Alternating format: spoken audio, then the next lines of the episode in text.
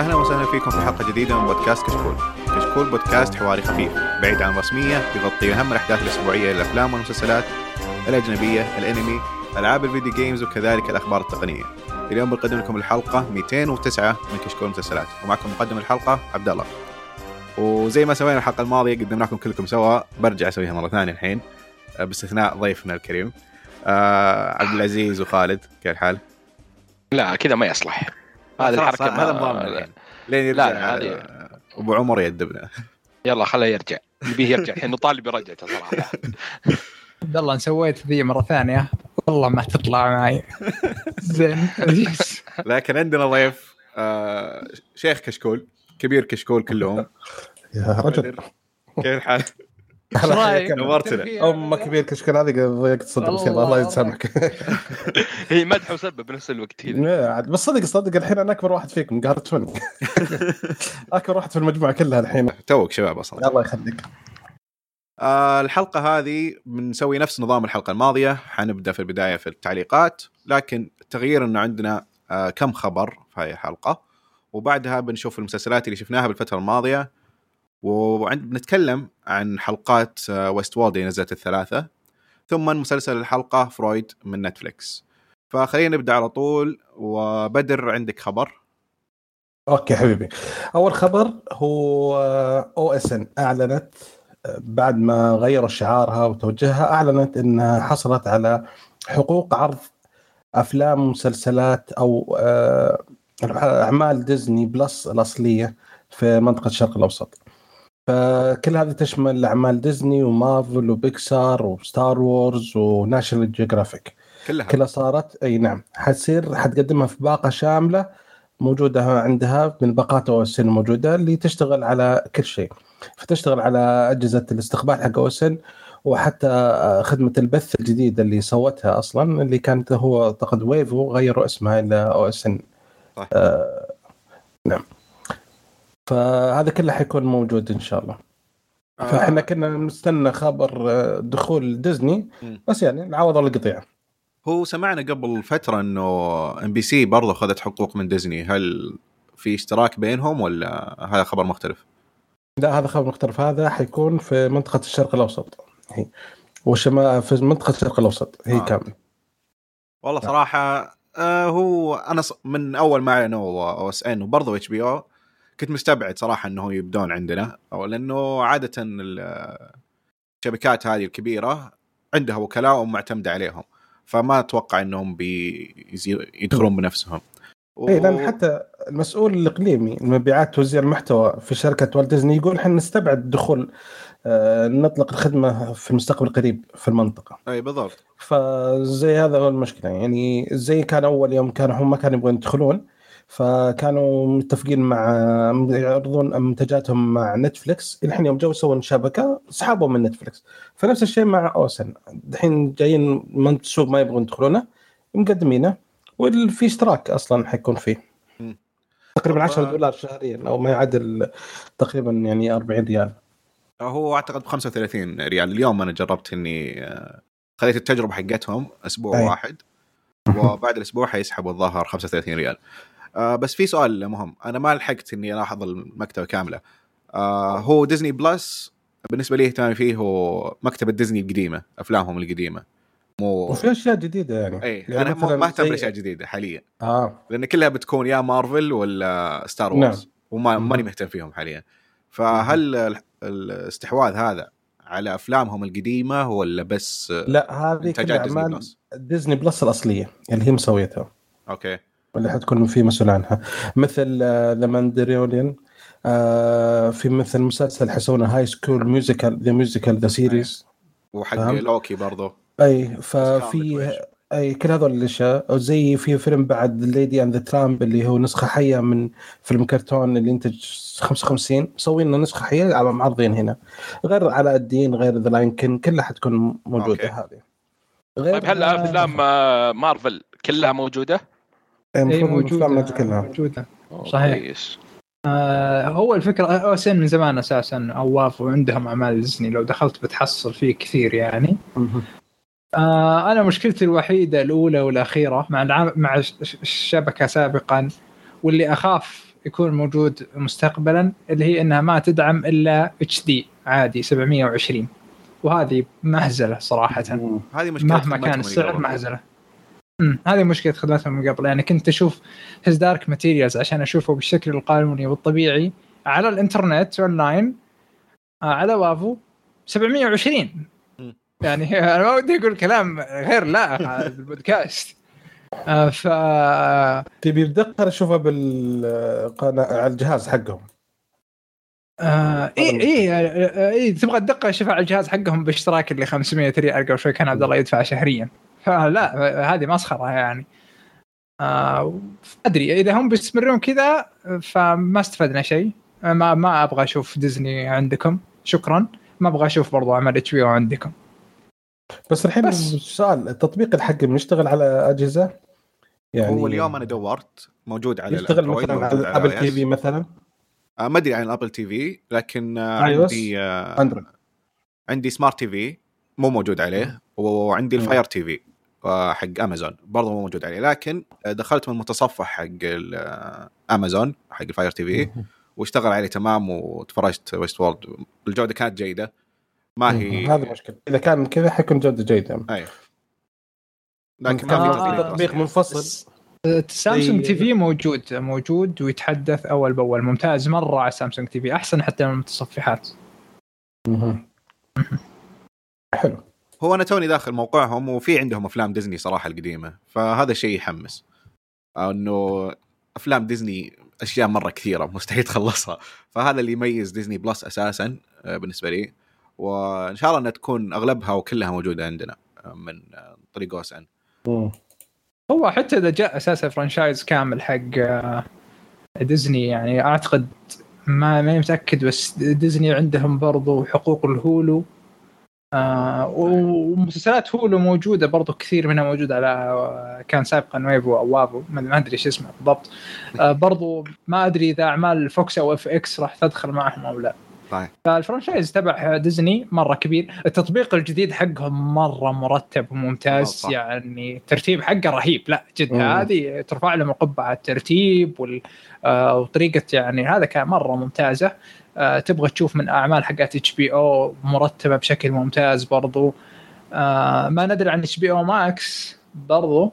آه. جاية بالطريق وما ندري هل ال franchise بيكمل معهم ويكمل الشراكة مع OSN من, من زمان أساسا اتش بي أو مع أو اس ان فإذا بيكملون آه. لازم يتحسنون عن موضوع 720 طيب. هذا. اللي مرقني أنا.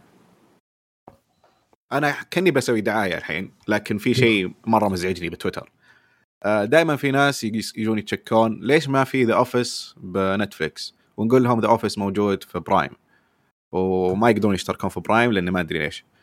آه ف The Office موجود في OSN وأعتقد إنه موجود برضو ب Starzplay وفي دعاية شخصية Killing Eve موجود في OSN فروحوا. شوفوا Killing Eve و The Office الله. وفكونا من تويتر.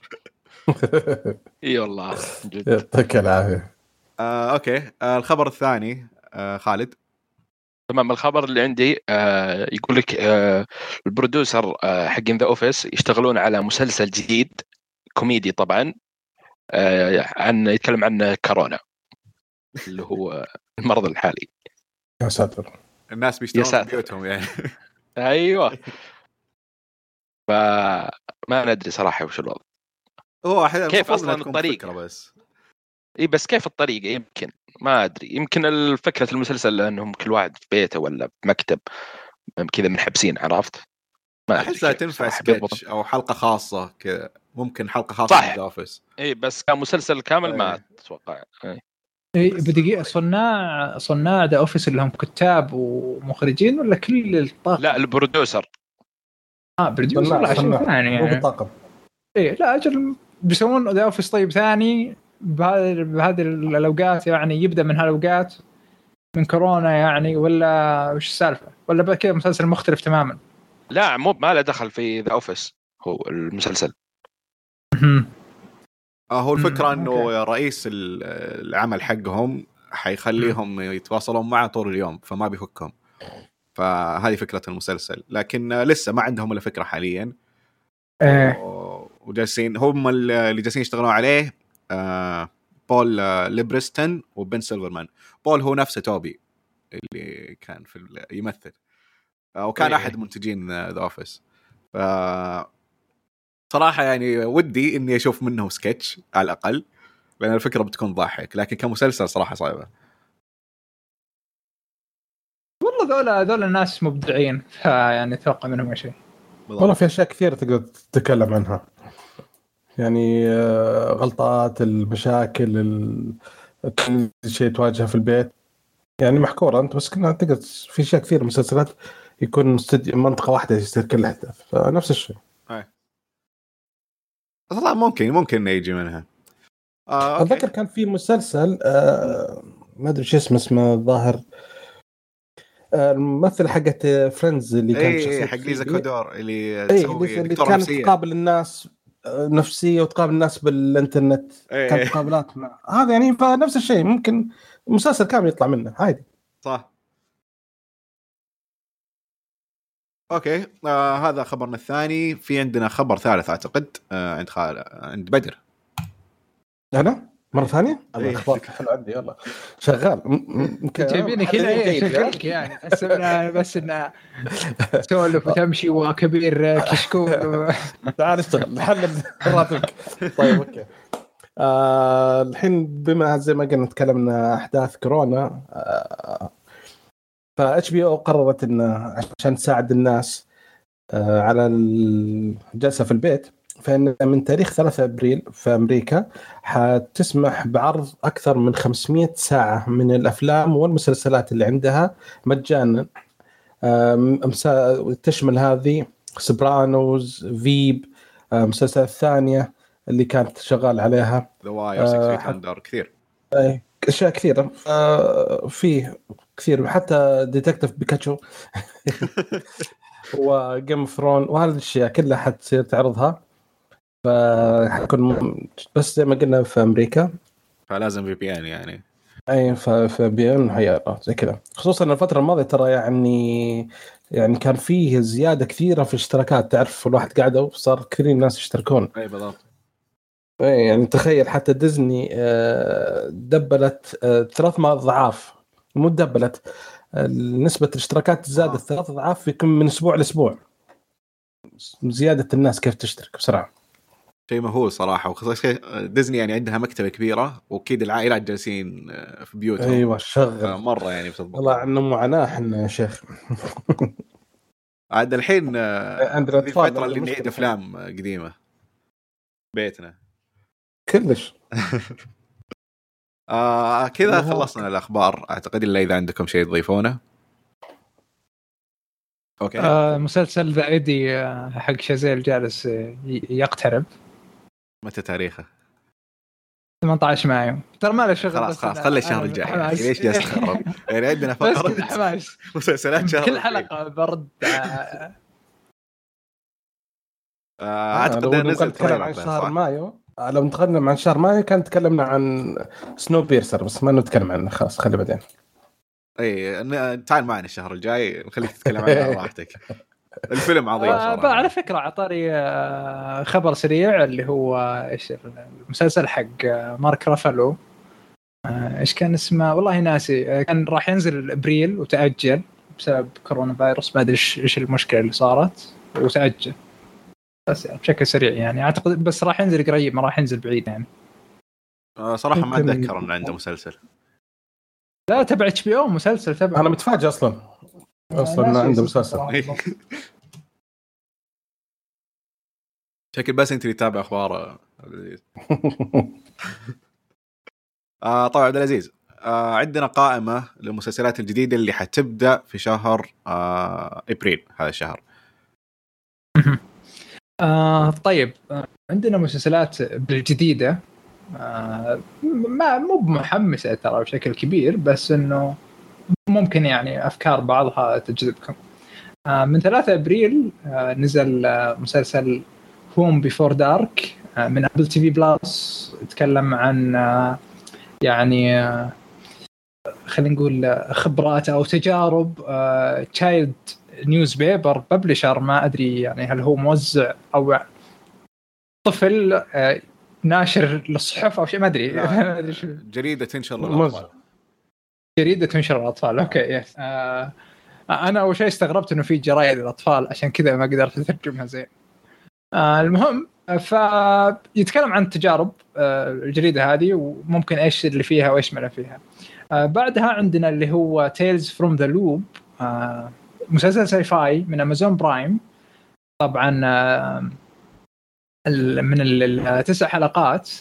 عندنا ال- الفكرة بإنه سايمون ستالينهاج اسمه ما أدري إيش اسمه بس إنه هذا artist آه آه، خلينا نقول artist CG أو VFX artist أو شيء زي كذا. وعنده يعني أشياء خارقة للطبيعة و... ولما تكتبون اسمه بتلاحظون إنه يقدم أعمال رهيبة. بناء عليه آه سووا هذا المسلسل. فأعتقد إنه بيكون حلقات مختلفة أو شيء ما ما عندي علم صراحة بهذا الشيء. آه لكن يبدو إنه ممتع ساي فاي المسلسل. هو شكله آه، كذا عالم غريب وأشياء إيه. مختلفة يعني. امم بالضبط يعني عنده إيش كذا اللي أشياء كذا رهيبة يعني.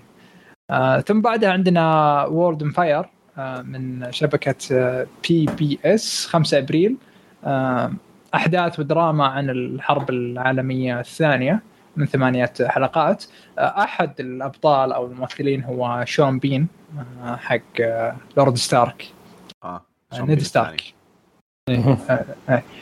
ف مسلسل بريطاني. نكمل.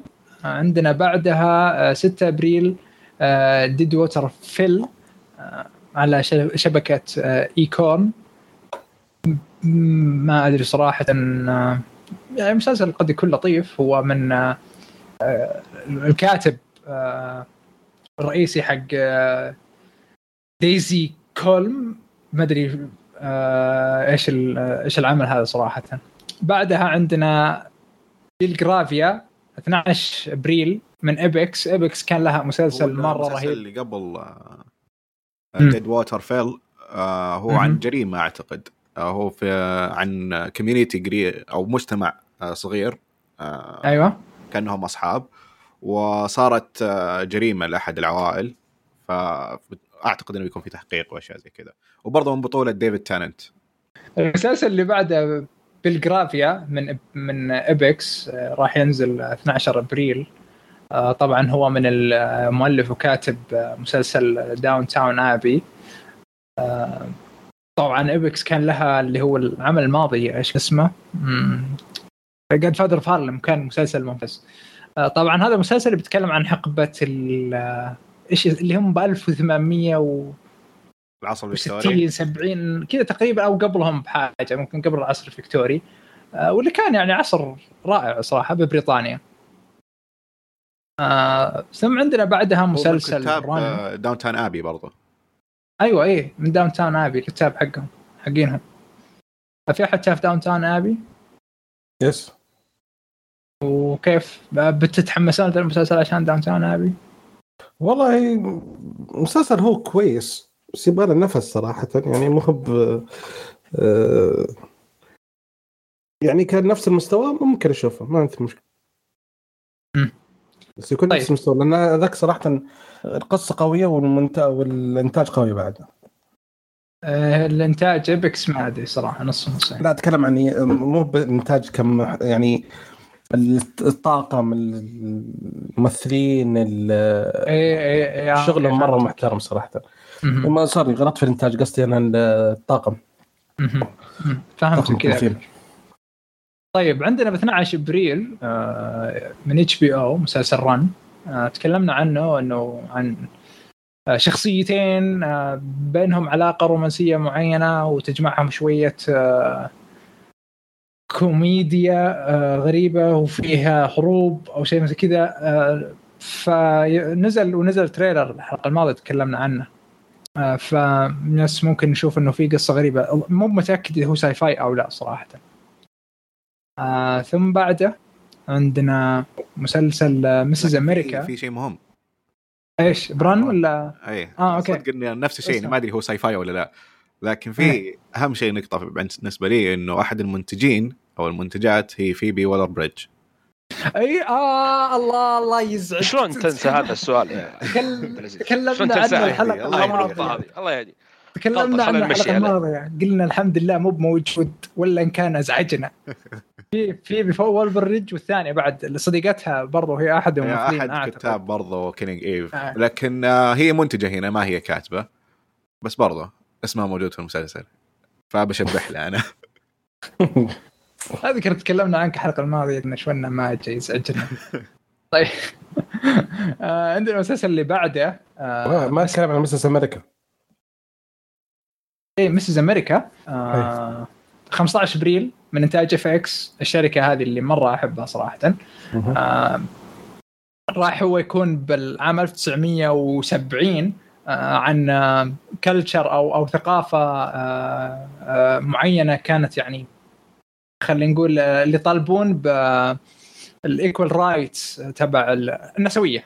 أعتقد أعتقد إنه النسوية ما أدري آه بس إنهم آه وصراعاتهم بعام 1970 آه ثم عندنا بعدها من Apple TV Plus وذا المسلسل اللي يعني آه كثير يشوفه هو الأهم هذا الشهر آه اللي هو Defending آه Jacob من آه، الممثل اللي هو حق Captain Captain America شو اسمه؟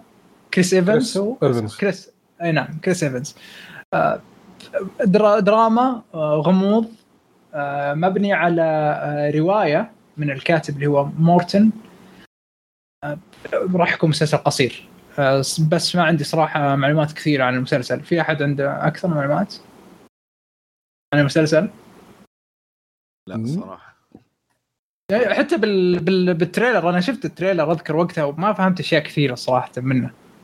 آه وأعتقد إنه هذا الفكرة إنه يصير شوي فيه غموض.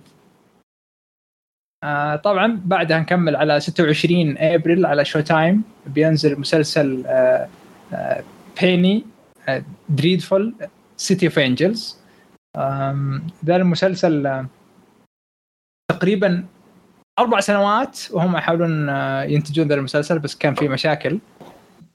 آه، بس ولا عندي صراحة برضو عنه معلومات كثيرة هذا المسلسل.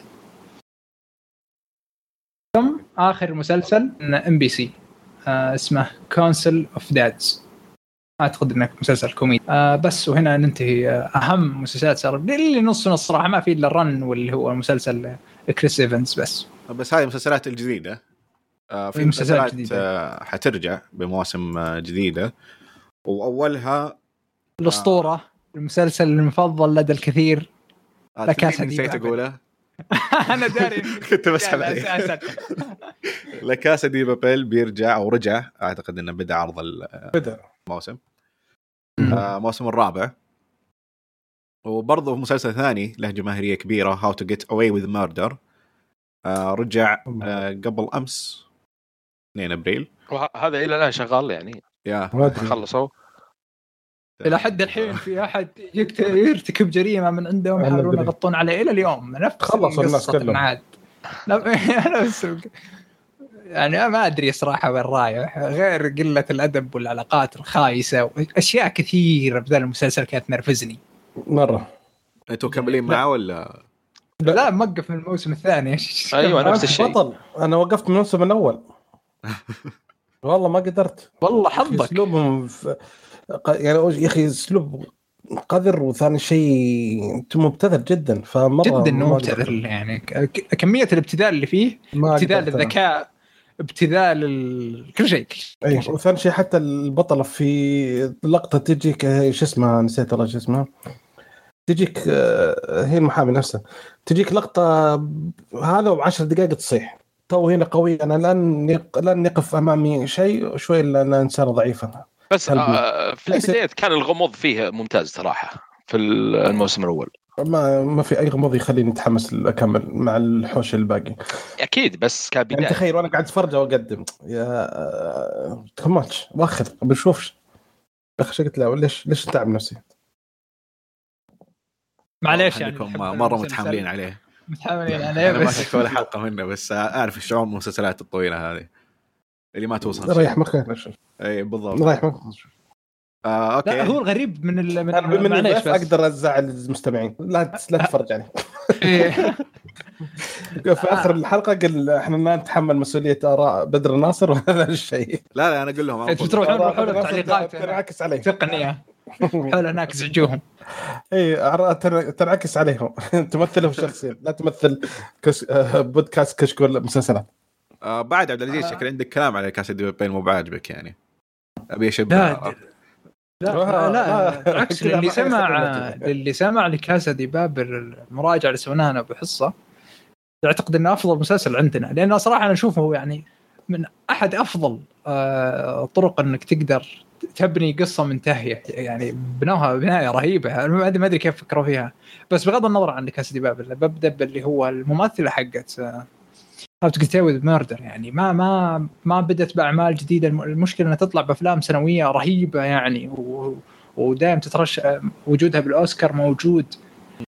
فما أدري إيش السالفة يعني. أتوقع هي السبب اللي مخلي. المسلسل يمشي. إيه هي لو لو طلعت ترى انتهى المسلسل. أكيد. آه، بس معلش قطعنا عليك عبد الله تفضل. لا أصلا مسلسلات قليلة. لكن بعضها جدا مهم وأنا اخترت صراحة اللي يعجبني. ف في إبريل 12 بيرجع Killing Eve في الموسم الثالث. الله. و... إيه هذه الأخبار. يا نزل آه، زي ال teaser الموسم وكان جدا آه، غريب. فإن شاء الله إنهم ما يجيبون العيد لأنه واضح انه رايحين. مكان ما يدرون إيش يسوون فيه. لا في يا شيخ. تغير بيجيبون العيد يعني؟ واضح. أنا أحس إنه 50-50. بيصير بيصير في عيد كبير يعني في الموسم ذا. بس آه يمكن الله يستر. اي يمكن. ما تستبعد شيء لأنه المسلسل ماخذ نهج اللي كل موسم كاتب مختلف. فتتوقع ان كل موسم يكون مستوى وأسلوب ثاني. فهذا شيء متوقع إنه ممكن ينزل مستوى إنه يصير آه يوصل لمستوى سيء. بس آه خلينا نكون متفائلين. وفي اليوم اللي بعده آه في أبريل 15 المسلسل الكوميدي الرائع What We Do in the Shadows بيرجع في الموسم. الثاني. إيه هذا الممتاز. أعتقد إنه في مسلسل آه كوميدي عبد العزيز يحبه اسمه After Life بيرجع في الموسم الثاني ب 24 أبريل. يا الله. عبد العزيز كذا يحب الكآبة كذا. مسلسل أنا عجب أنا عجبني. صراحة. أنا عجبني ليش صراحة. تضحكون يا شباب؟ روحوا وانتحروا.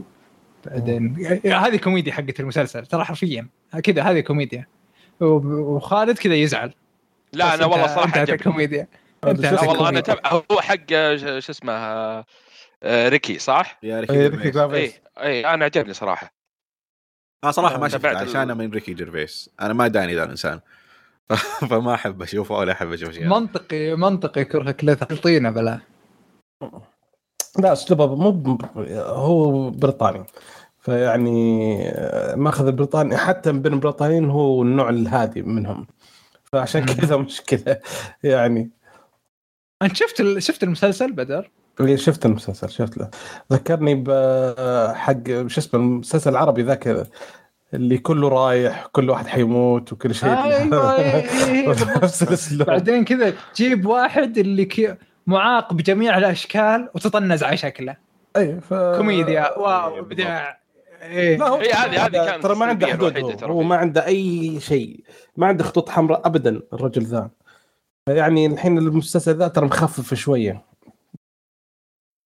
ما ما أعتقد إنه الخطوط الحمراء هي اللي تحد من الكوميديا يعني سواء تعديتها أو ما تعديتها. لا لا بس في ما يعني ما أتكلم يعني حتى الكوميديا حقتها تتعدى كل خطوط لدرجة إنه في حتى المستمع يعني يقول لك لا لازم في حد يعني كمان هو لا توصل. هو يتعدى كل. شيء ما عنده أي شيء هو الكوميديا حقته ينرفز الناس ويحس إيه. إنه ذكي لما ينرفز الناس. إيه، فتشوفه بتويتر يقول شيء ما, ما يضحك بس يقول ها شوفوا مو بعاجبهم كلامي ما يتقبلون الكوميديا. بس إنه ممكن مو جالس ينكت بس جالس يقول كلام مستفز للناس. اي هذا ما. ترى. كوميديا حقته سيئة. okay The Office شيء عظيم. وبرضه كان يسوي أشياء كويسة مع The Office كان يسوي آه ليش Extras. موجود ب The Office؟ البريطاني. هو اللي سواه. The Office آه البريطاني. إيه. هو اللي سواه آه، مع ما- ستيفن ما شفته. إيه، لا ما شفته أنا. اي بس لا تنسى في النهاية إنه نص مكتوب. بالضبط. فعشان كذا حي ذاك مع الوقت يدور أي شيء. مو بهو الحالة. إنه ذاك الشيء كان يدور أي شيء مو مشكلة. حتى خلنا نطلع. okay. آه الحين وصل في- مرحلة يقدر يتكلم على راحته. آه نرجع لقائمة المسلسلات. اللي في آه أعتقد إنه لخبطة هنا. هل Killing Eve حينزل في 14 ولا 26 لأن طالع لي هنا مرتين وحنتأكد منها ونرجع لكم قناه القنوات تلقاها مختلفة أتأكد العرض.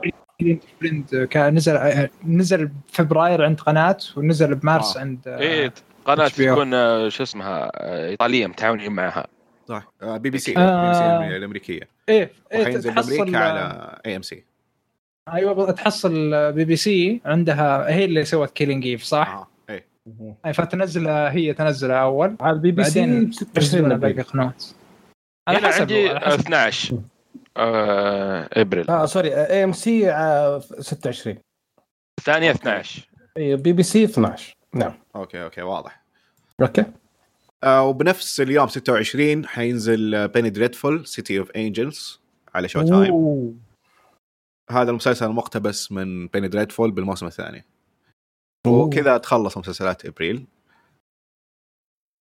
وننتقل لفقرة التعليقات. التعليق الأول آه، من نواف. السلام عليكم. عندي فضول أعرف أف- أفضل ثلاث مسلسلات عند كل واحد منكم. آه، okay. آه، بدر بما إنك ضيفنا رأيك تبدأ؟ أوه. أفضل ثلاث مسلسلات عندي؟ إيه. آه، okay. آه، Chernobyl.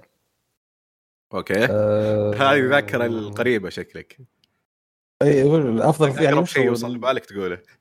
لا وش هو؟ يبقى أفضل ثلاث مسلسلات عندي على طول الزمان إيه، يعني؟ على طول الزمان. آه هذا شيء ثاني.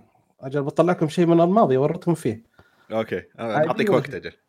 okay. لا لا ما أحتاج. آه شو اسمه؟ آه Twilight Zone واو نسخه okay. 85 85 عندك آه شو اسمه؟ Quantum Leap نسخة ال 90 حلو. هو نسخة واحدة بس. ومسلسل Love Death and Robots nice. آه، هل المسلسلات أعطيتك. ال- اللي ذكرتها ذيك نشوفها بوقتها ولا ليش؟ لا ليش؟ الدرجة يعني؟ بدري أقول خمسة- 85 وين أقدر أشوف 85 بدري غريب إن آه، شفت ال شو اسمه؟ Twilight Zone يعني- و... وعجبك لذي الدرجة. لا بس لا ال 85 غير ال 64 غير ال 30 لا في آه. فرق أي. ثاني شيء طال عمرك إن تعرف آه، أرامكو تلفزيون أرامكو كانوا يجيبون لنا أشياء فكنا نتفرج. okay okay. مو بشيء جديد. أي شيء يجيبون لنا نتفرج عليه. شو نسوي؟ الموجود. إيه. آه، okay خالد. Breaking Bad فيلم Breaking Bad لا هذا. فيلم مو مسلسل. آه لا Breaking Bad و The Sopranos بس هذا اللي جت في بالي صراحة الحين. okay. عبد العزيز؟ Game Thrones يعني ما ما نحن نفكر كثير. آه، و Shameless okay. آه أنا أول اختيار هو Parks and Recreation وفي The. Office بعد نسيت أقوله. آه. آه لا Parks and Recreation و Fleabag Battle star Galactica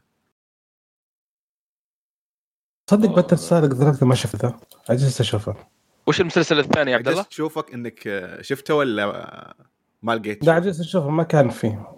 آه. أقعد معك بعدين تطلع لي إياه. اي لك اياها آه، كيف خالد؟ أقول وش المسلسل الثاني اللي ذكرته؟ Fleabag إيه. okay آه، التعليق الثاني من محترف من محترف السلام عليكم ورحمة الله وبركاته بالنسبة لمسلسل Zoey Playlist أنا قلت للأخ عبد العزيز إن ال pilot كان رائع آه، جدا لكن بعدها بدأ ينزل مستواه بشكل قوي أغلب القنوات تطلب حلقة pilot. اللي ما يعرف وش ال pilot هي حلقة تجريبية يتم فيها تقييم المسلسل إذا كان بيستمر ويطلبون المسلسل أو يلغون المسلسل. المشكلة إن الكت... إن الكاتب يتعب على هذه الحلقة لأن هي اللي تحدد إذا بياخذون مسلسله أو لا. يحط كل مجهوده ويأخذ وقت طويل في كتابتها وإذا طلب المسلسل يبدأ بك يبدأ يكتب الموسم كامل في فترة أقل من اللي خذاها في كتابة حلقة البايلوت. في سبب ثاني مشكلة المسلسلات اللي كذا ما يكون عندهم خطة لإنهاء المسلسل. مثل This is Us. في الموسم الثالث طلع الكاتب وقال المسلسل بينتهي في الموسم السادس. لكن وم... آه لكن مسلسل زوي واللي نفس المسلسلات ما عندهم خطة لإنهاء المسلسل. طالما الشبكة تطلب موسم جديد راح يسوي موسم جديد. إلى أن إلى أن يلغي المسلسل بسبب قلة المشاهدة أو يطلع واحد من الممثلين الرئيسيين. أما بالنسبة لكلام الممثل أو اللي يمثل في مسلسلات رخيصة ما يتطور هذا شيء غير صحيح. الممثل آه، ستيرلين كي براون مثل في عشر حلقات من مسلسل Supernatural اللي يعتبر مسلسل ضعيف عند الناس بين قوسين. والحين يمثل في This Is Us وكل سنة يترشح للإيميز. الممثل لازم يتدرج في التمثيل الأدوار الكبيرة ما تجيك وأنت قاعد في البيت. أخيرا راح آه، راجع للم... للممثل ممكن يستمر ممكن هو يستمر على نفس المستوى أو يبغى يتطور. أما بالنسبة لمسلسل The Outsider أكبر سلبية في بعض الحلقات الفارغة بالغصب يوصل بالغصب بيوصل 10 حلقات وساعة كاملة.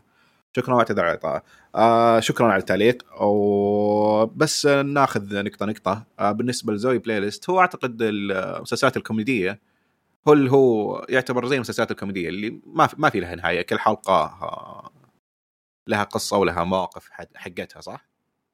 تقريبا مش يعني هو في حاجة ماسكته في خط رئيسي يمسكه. بس ما مثل ما قلت أنت إنه آه، ما ما في القصة العميقة الواضحة والشخصيات البناء. لا ما في ذا الكلام. وتقريبا شبه كوميدي. فكل حلقة باللي فيها.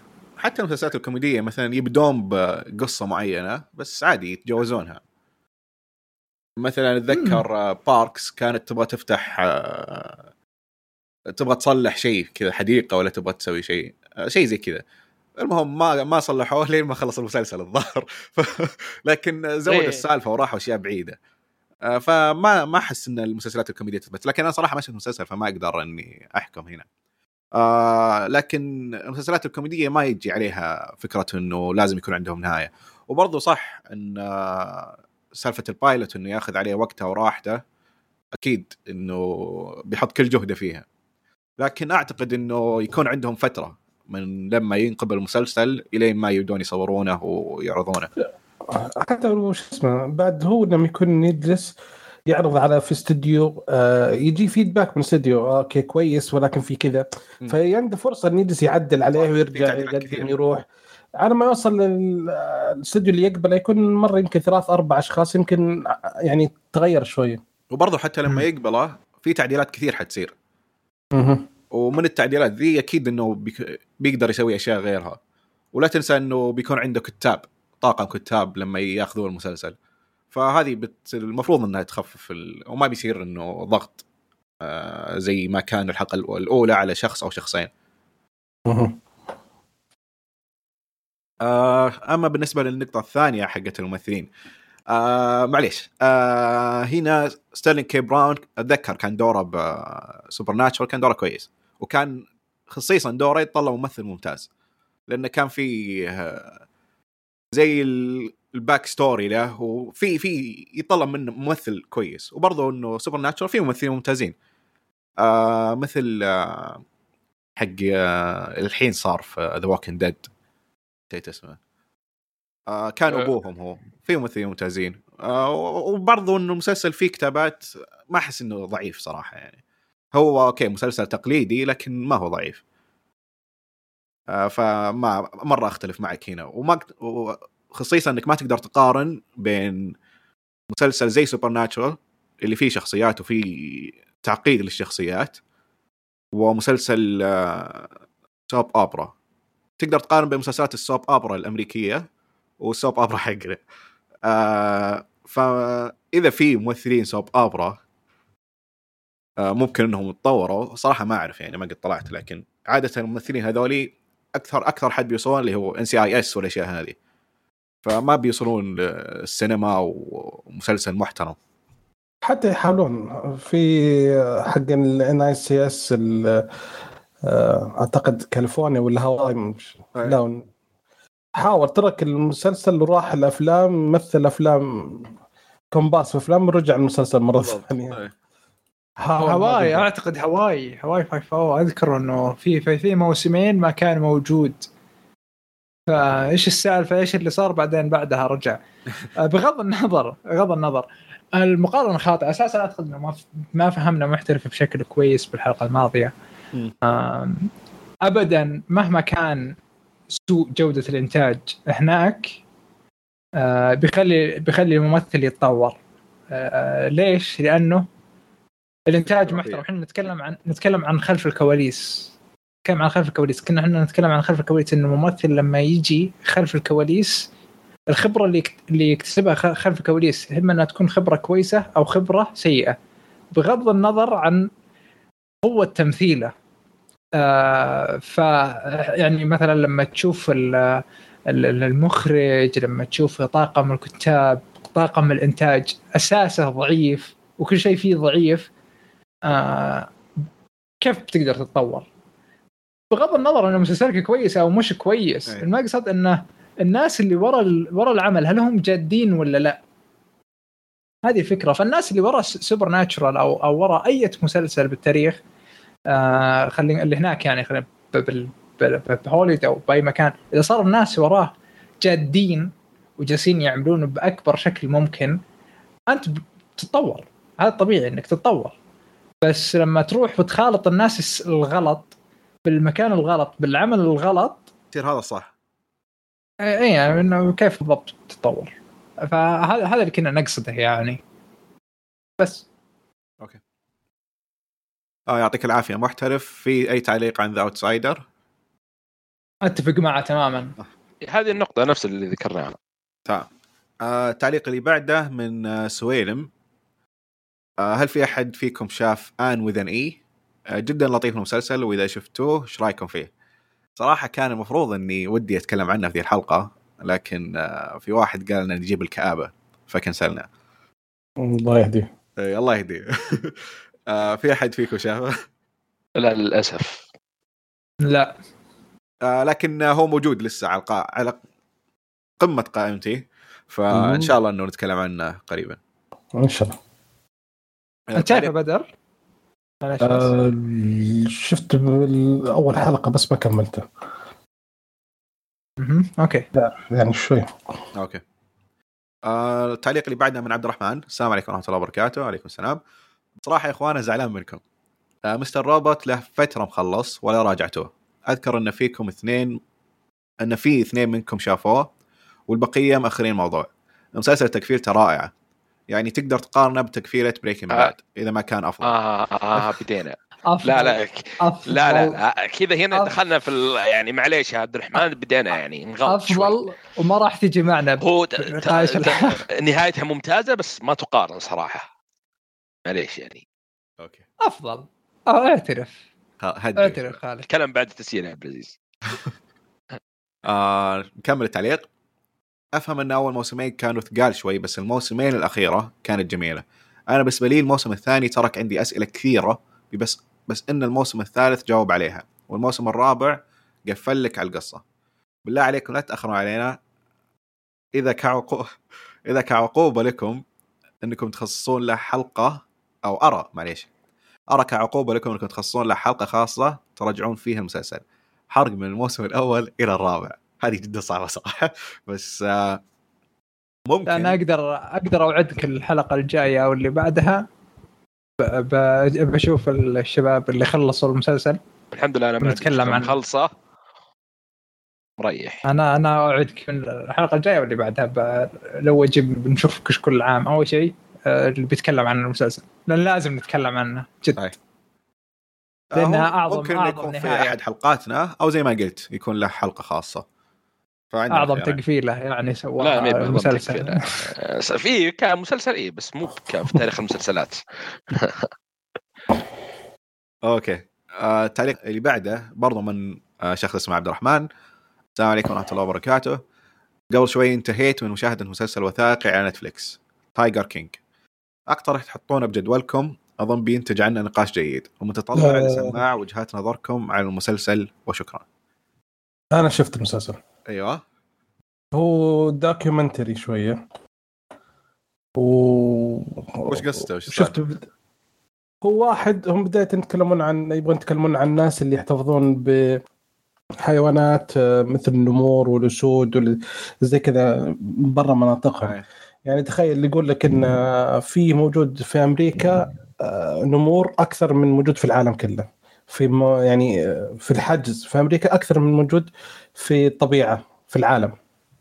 وتخيل مثلا واحد جالس يتمشى وحاط نمر ثلجي شو اسمه سنو ليبرد في كاليفورنيا حاطه بشنطة بسيارة ورا عادي يعني تحميل.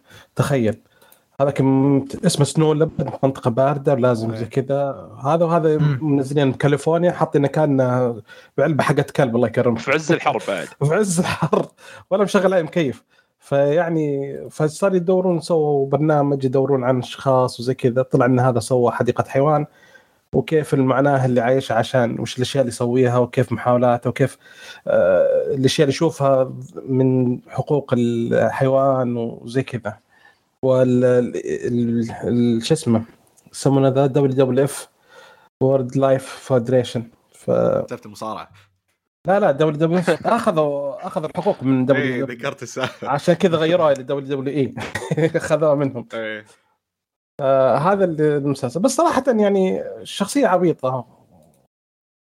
آه صح يتكلم. شوف مستوى بس صراحة مستوى الغباء المسلسل too much يعني في ال documentary too much هل غباء من الشخص الصدقي ولا غباء من اللي مسويه لا لا هو documentary حقيقي يعني. فشوف يعني كيف ماشي كذا في ناس غريبين جدا.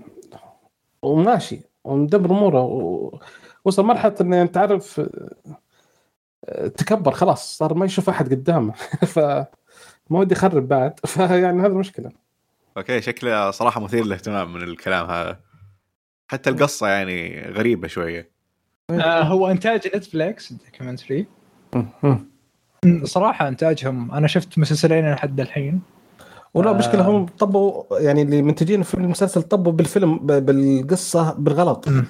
هم كانوا. يشوفون عن الثعابين واكتشفوا سالفة النمور والدنيا هذه آه. ولقوا شيء okay. أكبر قالوا أوه لحظة اتركوا اتركوا خلينا نشوف هذا هذا رجال ثاني خلينا نشوف موضوع ثاني ذا. لا أنصح أي أحد يشوف آه، documentary مسلسل على نتفليكس إنتاج نتفليكس أنا أثق بأنه راح يكون ممتاز. صراحة عندهم قدرة رهيبة. يعني وثائقيات نتفليكس على عكس مسلسلات نتفليكس جدا ممتازة. لكن في تحذير بسيط إنه لا تصدقون كل شيء تشوفونه. دراميا. لانها لأنها مسوي آه، هي طريقتهم فيها درامية يعني أكثر. وشوف للمتعة عشان كذا هي رهيبة. للعلم هذا شيء مرة مهم. إنه في ناس كثير حخرج عن الموضوع لكن في ناس كثير ياخذون معلومات من وثائقيات من نتفلكس أو غيرها وخلاص يعتمدون إنه هذا الشيء صح لأنه شافه بفيلم وثائقي. لكن إذا أنت بتاخذ معلومة بس من فيلم المفروض إنك تتابعها تشوف من وين جات وإيش مصادرها.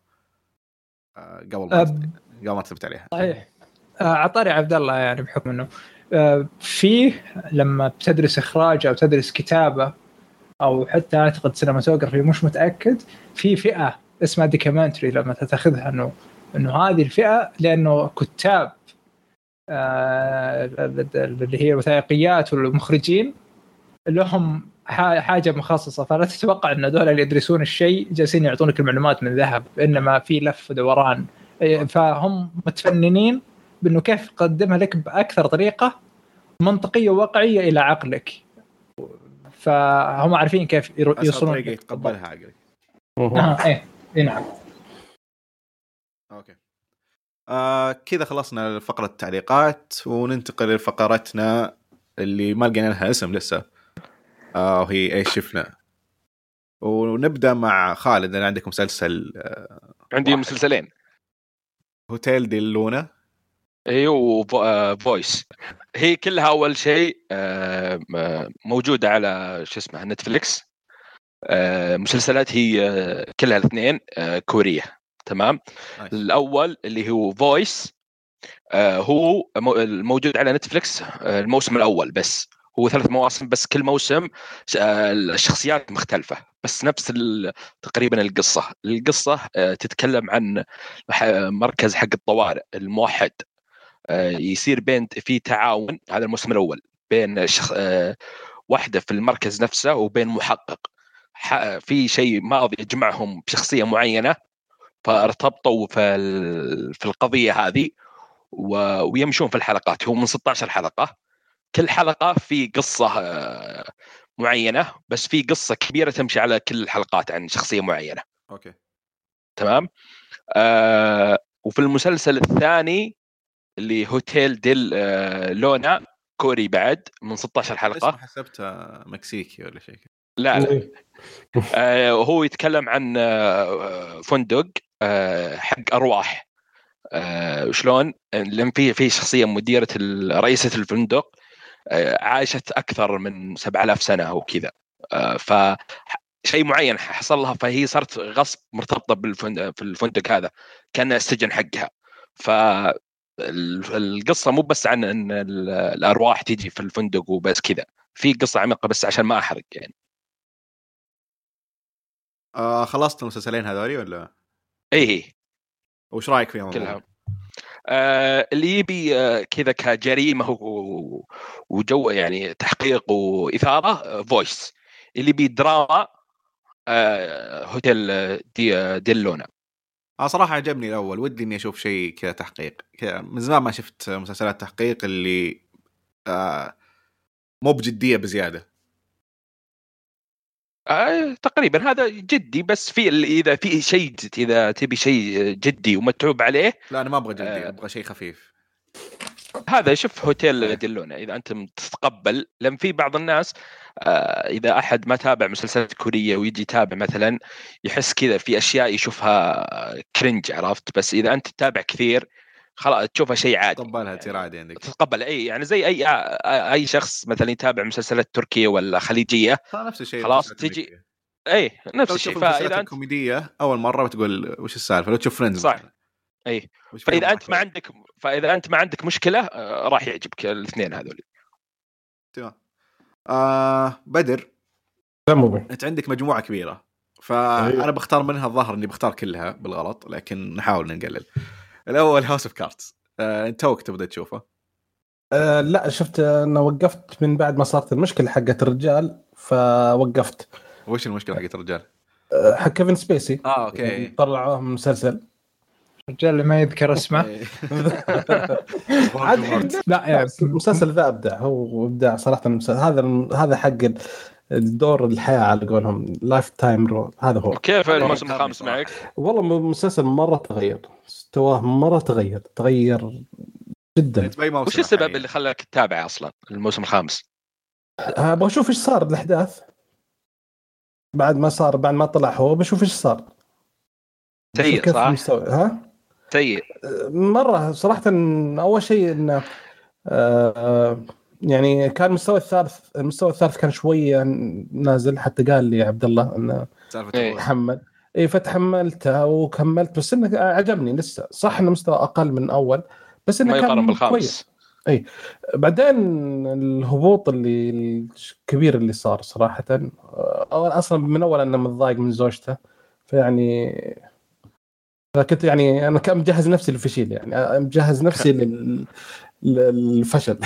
هو صراحة أنا ما أحبها وقعدت أتفرج عليها فهذا هو المشكلة. ودورها كذا كان من قبل أعتقد الموسم الثالث بدأ إنه يصير مو منطقي شوية. إي مرة. يعني دورها أول كان ماشي صح بعدين ما أدري هم مجهزين ولا هم حسوا تحس في واسطة في. الموضوع ولا شيء ما أدري. يغير. آه أوكي. آه عبد العزيز.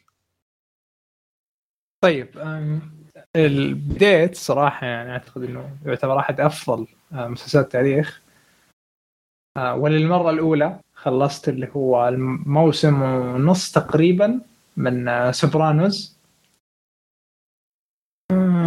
آخ إيش أقول هو أنا ضيعت وقت كثير على على ما بال أشوفه أو إنه انتظرت الوقت. الأفضل إني. أشوفه أنت ليش ما آه. شفته من قبل؟ آه ترى عجاز أنا ما أشوف مسلسلات طويلة على فكرة. يعني مهما لو رجعت التاريخ المسلسلات حقاتي ما في مسلسل طويل ما في أي مسلسل سويت عليه بس كان عادي. يتابع آه، Shameless صراحة يعني. أها لأنه هو الوحيد اللي اللي كان كذا فريد بأنه أحصل الكوميديا والدراما فيه. فهمت؟ المهم نرجع لل Sopranos okay. آه... Sopranos لقيت فيه كوميديا by the way اللي اللي اللي من أحسن الكوميديا اللي ممكن أشوفها. آه صدق. مرة يضحك المسلسل آه وكوميديا عبقرية ذكية. ما في ابتذال نفس المشهد اللي أنا أرسلته بالجروب ذاك اليوم. آه ف نتكلم عنه مشهد من التول والسوني وحط نص نرجع. المشهد فالمشهد مو بكامل عشان كذا أكيد ما بتضحك. ما ما ودي اتكلم عنه زيادة المهم نرجع نرجع للأعمال الفخمة.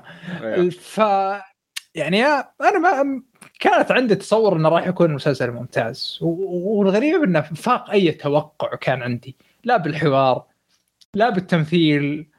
آه شيء خارق خارق جدا وعمل كلاسيكي. يعني ما ما ما يموت أو أو يكبر مع مع العمر.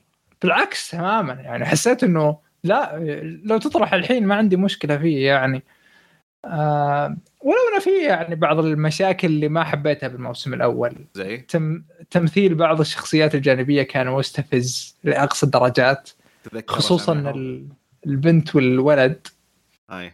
آه يعني كانوا إذا جوا الشاشة. والمشكلة المشكلة بعض الأحيان يكونون عارف اللي مع مع توني نفسه. ف شوف الفرق تلاحظ التباين هي اللي يصير آه بس ميدو تطورت نوعا ما بالموسم الثاني. هو في حلقة آه. الميدو مع توني اللي راحوا يدورون الجامعات شفتها؟ إيه بالجامعة إيه إيه هذه إيه حلقة عظيمة صراحة مم. من صحيح. الحلقات وأنا نفسك ترى كنت ميدو ما أدانيها لين شفت مم. هذه الحلقة وخلاص تغير رأيي 100% عن الممثلة هذه وش- وشخصيتها لا جدا تطور. تطور خصوصا الموسم الثاني فيه تطور واضح المدو بنفسها يعني. آه. هذه الحلقة خصيصا آه، أسهل مثال إنك توري الناس إنه الكتابة العظيمة في المسلسل هذا.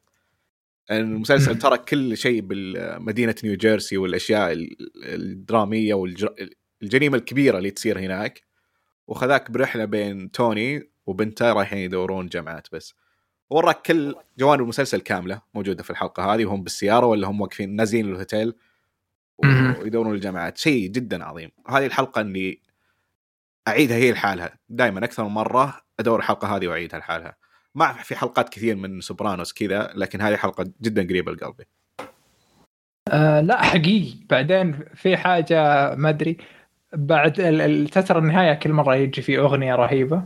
صحيح. آه هذه أحد الأشياء الرهيبة بالمسلسل برضو. آه بس تقريبا يعني آه الشخصيات طريقة ارتباطك فيهم تح...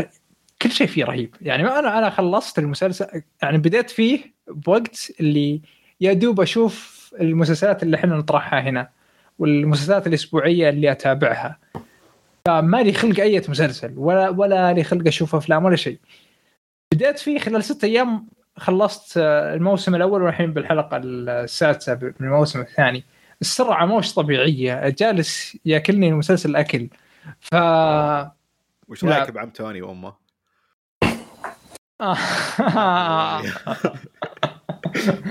آه، صراحة يعني هو عم توني وما الشخصية الجديدة اخته اللي توها جتنا عن. الموسم الثاني إيه ف.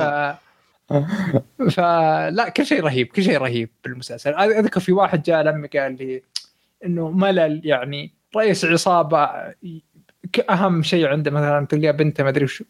يا أخي يوم شفت المسلسل حسيت إنه هذا مو بكواليس العصابة هذه كواليس كواليس الناس اللي بالعصابة. يعني لازم نشوف الجزء الأهم من حياتهم وخصوصا. انه ما تشوف الأفلام. إيه أيوه بالضبط. وخصوصا إنك تشوف اللي في فترة ما أدري آه نوعا ما خلينا نقول هي صعبة على على العصابة بحد ذاتها. فترة تحول يعني.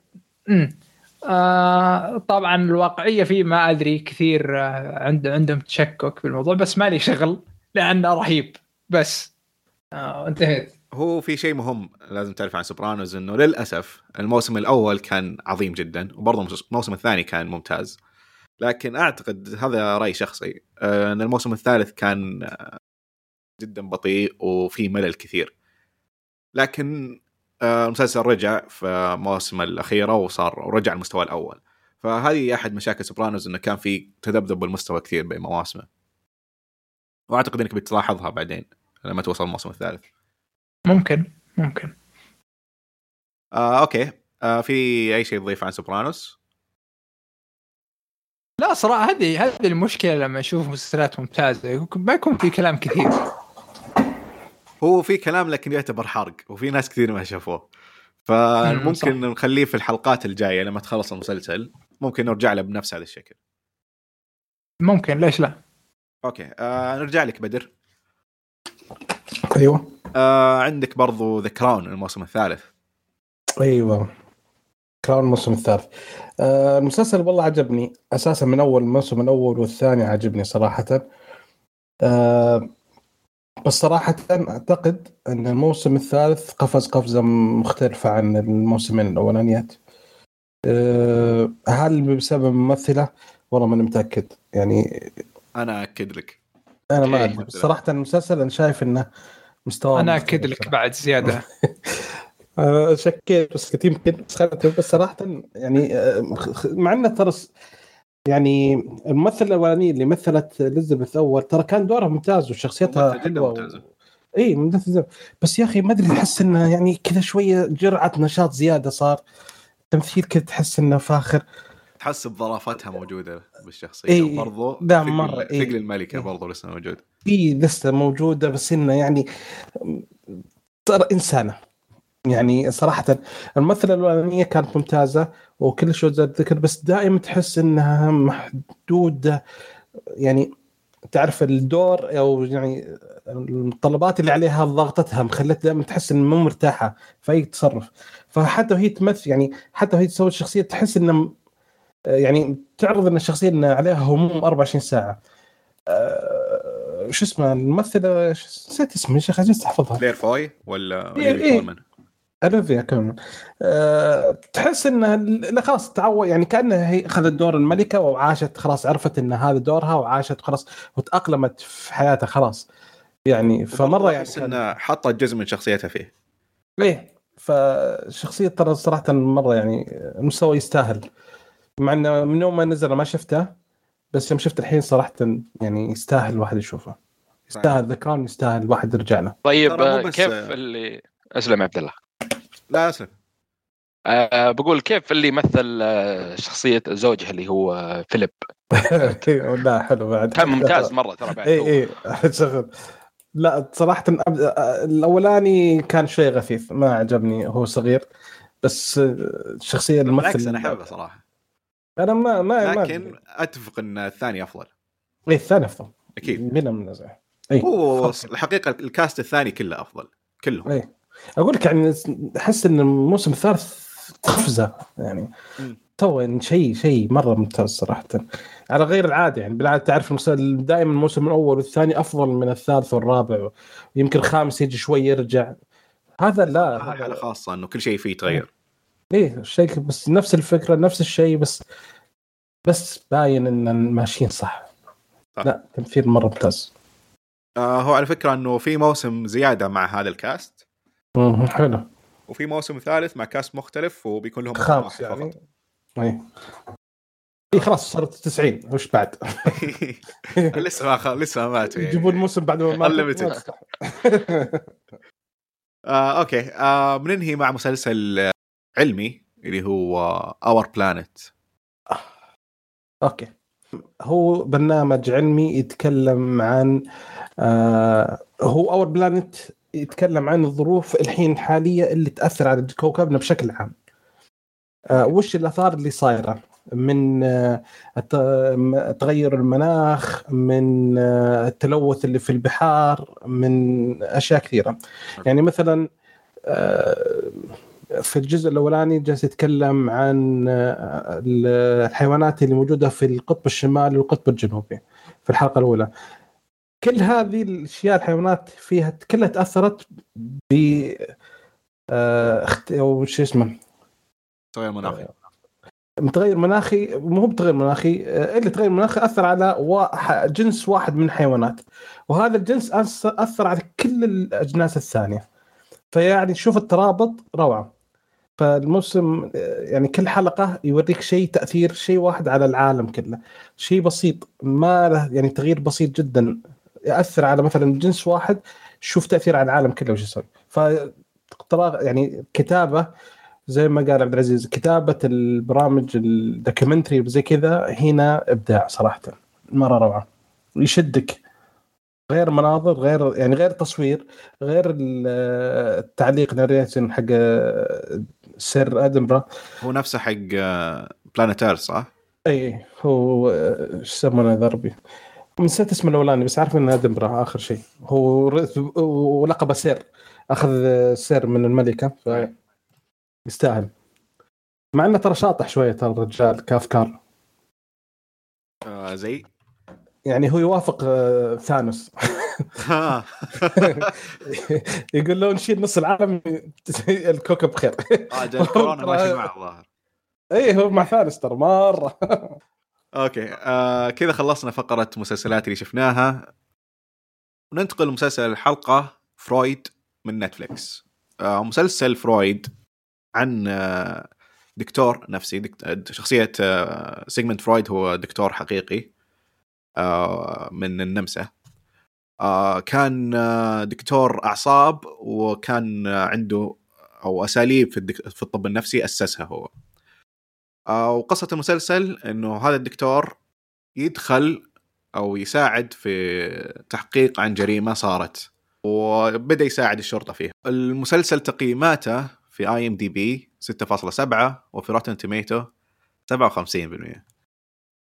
المسلسل من ثمان حلقات وإنتاج الماني. آه طبعا آه فكرة المسلسل كانت عن إنه آه، جريمة وتحقيق وفيها شيء من الغموض والتحليل النفسي. وهذا الشيء اللي كان جاذبني لها لكني تفاجأت انه المسلسل خذ منحنى فانتسي أكثر من إنه تحليل نفسي وجريمة فهذا بشكل عام عن المسلسل قبل ما نبدأ نتكلم عنه بالتفاصيل فخالد آه، وش رأيك في المسلسل؟ تمام. آه، أول ما تابعت الحلقة الأولى على طول كذا جاني شعور نفس شعور ذا ليست نفس تقريبا نفس ال- الشخصية إن هذا دكتور هذا دكتور ونفس البيئة. آه، فبعدين لا تغير الوضع. فأقدر أقول كبداية أعجبني إلى حد ما. صراحة لولا الأشياء البسيطه مو بالبسيطة اللي خربت صراحة. أوكي. آه، بدر أنت شفت منه حلقتين بس. إي نعم. آه، وش رأيك؟ والله شوف آه، أنا بحسب الحلقتين قلت لهم المشكلة إن بداية تناقشت معكم قلت إن في اختلاف آه، بس إن آه، زي ما قلت أنت التوجه اللي أول ما شفت المسلسل كان توجه بعدين دخل توجه ثاني مختلف. فبالنسبة لي أنا يعني ما عجبني التوجه هذا يعني اللي هم مسوونه. خصوصا إن الشخصية فرويد أصلا هي شخصية معروفة وحقيقية فالتوجه أصلا يعني ما عجبني صراحة. فكتوجه صح. أنا أتفق معك هنا وهذه كانت أكبر سلبية عندي في المسلسل. مهم. إن أنا شفت المسلسل عشان مكتوب فيه اسم فرويد وكان في جريمة وتوقعت إنه بيطلع شيء أشبه في Mindhunter إنه نعم. تحليل نفسي للج... للمجرم أو شيء زي لا كذا. خصوصا إنه هو أصلا أساسا هو كان في طبيب بالأشياء النفسية وسوى أفكار وعنده أفكار كثيرة. آه هو آه كان دكتور أعصاب وبدأ في آه كان في نفس فكرة المسلسل هي التنويم المغناطيسي والأشياء زي هذه. لكنه فشل فيها وقرر إنه يتركها. وبعدها سوى وأسس آه، فكرة التحليل النفسي للمرضى. نعم. كان آه، هو اللي أسس فكرة إنه يخاطب المرضى ويخليهم يتكلمون عن ماضيهم ومشاكلهم ومن هنا يقدر يساعدهم أو يحلل شخصياتهم. بالضبط. آه، طبعا إن هذا الشيء اللي قريته يعني ماني متعمق في الموضوع. اللي قريته انه صار متطور وفي كثير من افكاره آه، آه، تعدوها وخلاص صارت لا تستعمل لكنه كان من المؤسسين لهذه الأشياء. فهو شخصيته بالنسبة للتحليل النفسي هي عامل الجذب لي شخصيا إني أشوف المسلسل إني بشوف أفكار فرويد أو تأسيسات فرويد من, من ناحية التحليل النفسي في الجريمة هذه لكن. للأسف المسلسل آه، صار fantasy ما صار تحليل نفسي زي ما ذكرت. و ومشكلة المسلسل الزيادة إنه تحس إنهم مو بعارفين يثبتون على شيء. مو بعارفين يثبتون هل هو fantasy يمشون مع ال fantasy خلاص يثبتون عليها أو إنه آه، يخلون في تحليل منطقي للأشياء هذه. لأنه في كل حلقة يكون في محاولات إنه يكون في تحليل للأشياء هذه وفي تبرير. لكن ما في شيء جالس يثبت. يعني تشوف في فرويد يحاول يحلل لكن فجأة تطلع قوة خارقة مرة ثانية وتخرب السالفة. ما في أي شيء منطقي. ويبدأ من إلا- جديد.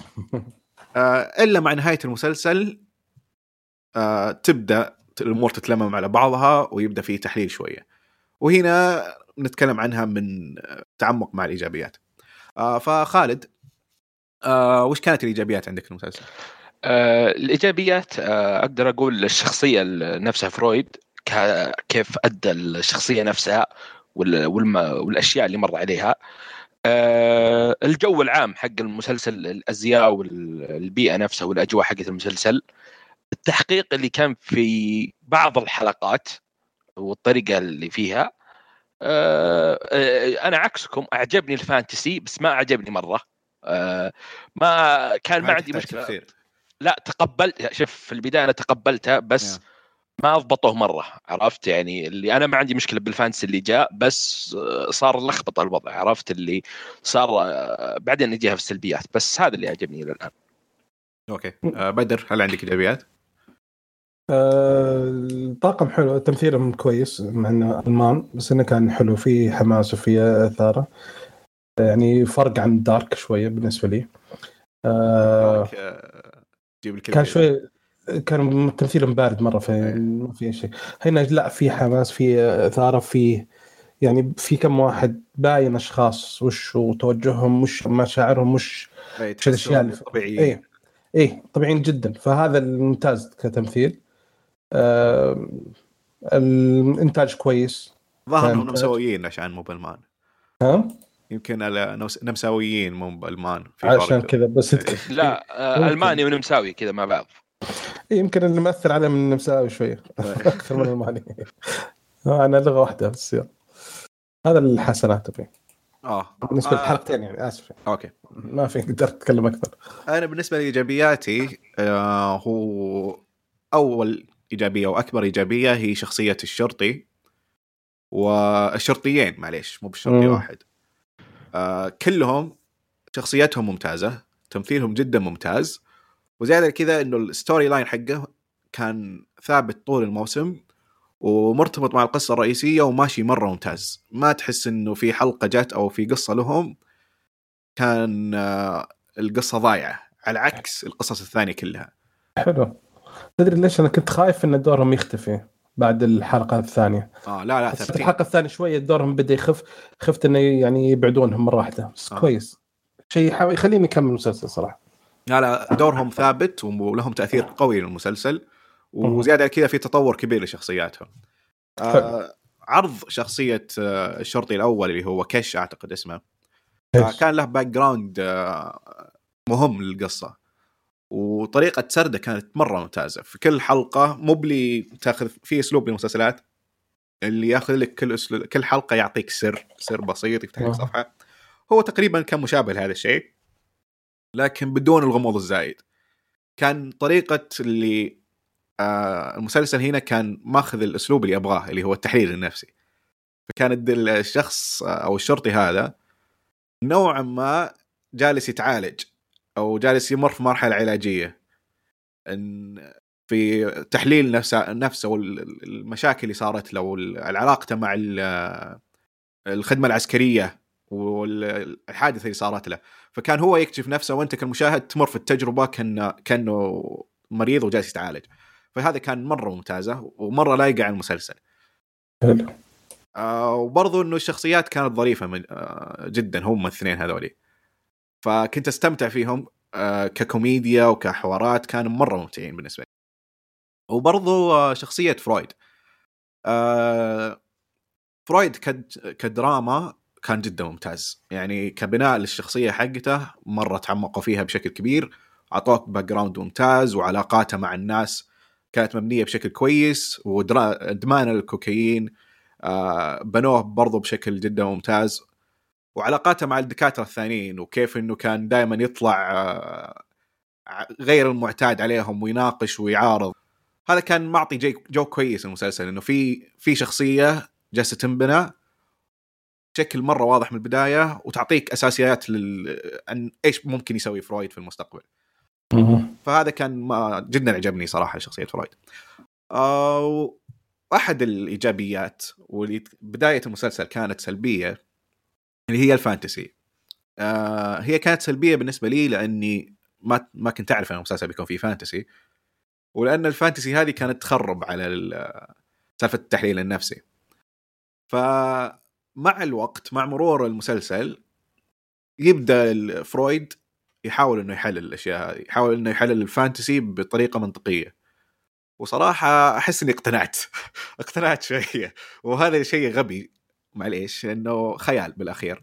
آه لكن في فيها شوية منطق فيها فيها تحليل يعني متعوب عليه. ما هي كان ما كانت آه اللي تعرف لما في مسلسلات أو في قصص لما يحاولوا تكون منطقية يجيبون من العيد ويخلون منطقهم من نفسهم كذا.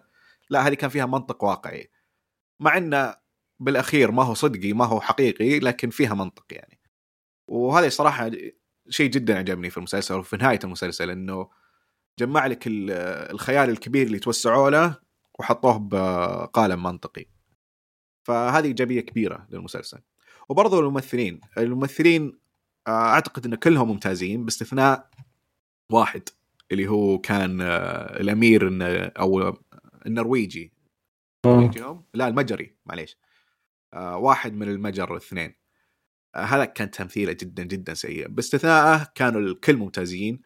آه خصيصا آه فرويد والشرطيين الاثنين وبرضه ال ال اللي تنام نسيت اسمها. فلور مدري إيه، فلور فلور صحيح فلور. هذه كان تمثيلها بالنسبة لك كويس ممتازه يعني؟ مرة مرة ممتازة كانت. آه أنا أختلف هنا. آه أوكي. يلا خلينا ندخل بالسلبيات. آه، أول شوف أول سلبية بالنسبة لي تمثيلها. كبيرة. تمثيلها. آه، بجيها الحين بس.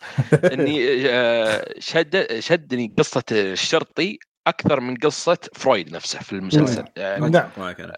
نعم. آه هذه أكبر سلبية بالنسبة لي يعني آه كشخصية. آه آه بعدين العلاقة اللي صارت كذا سريع سريع بين فرويد وفلور ما ما كذا سريع سريع ما فيه آه يعني شيء يبني على على طول صار الموضوع. وتمثيلها كان مرة مرة سيء مرة سيء. يعني من ناحية الأشياء اللي صارت لها في المسلسل بدون حرق كل شيء كان فيها سيء صراحة كتمثيل. المسلسل. آه، بالنسبة للعنصر ال- الفانتسي صار يوضحون لنا أكثر من مرة. فهذا كان بالنسبة لي آه، سلبية. طيب. يعني ال- بالنسبة للتح- التحقيق. آه، وكان واضح المسلسل من البداية. يعني ما كان يحتاج ثمان إيه، حلقات ما كان في. mystery ال mystery إيه، ما- ابدا ما كان موجود.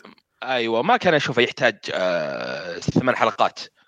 خمسة يمكن ولا ستة ولا أربعة بعد كان بالنسبة له راح يكون مرة ممتاز. فهذه السلبيات.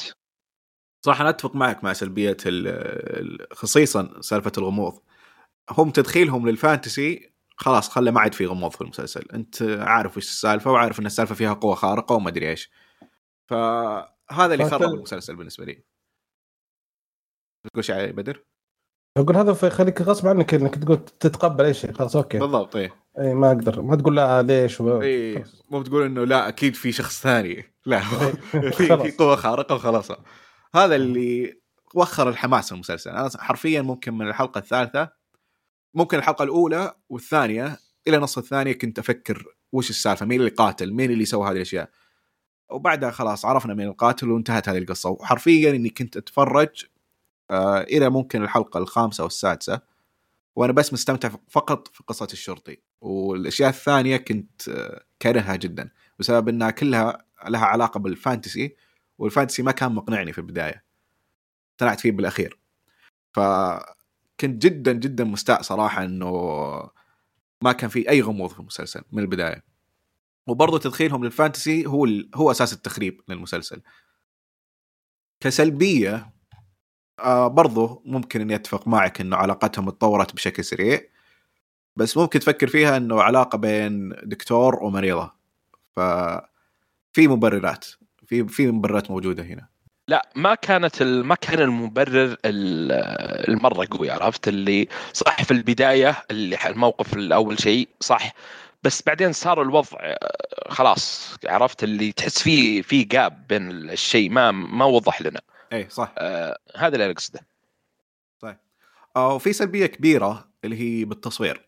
والإخراج صراحة إنه كان في مشاهد جدا جدا م...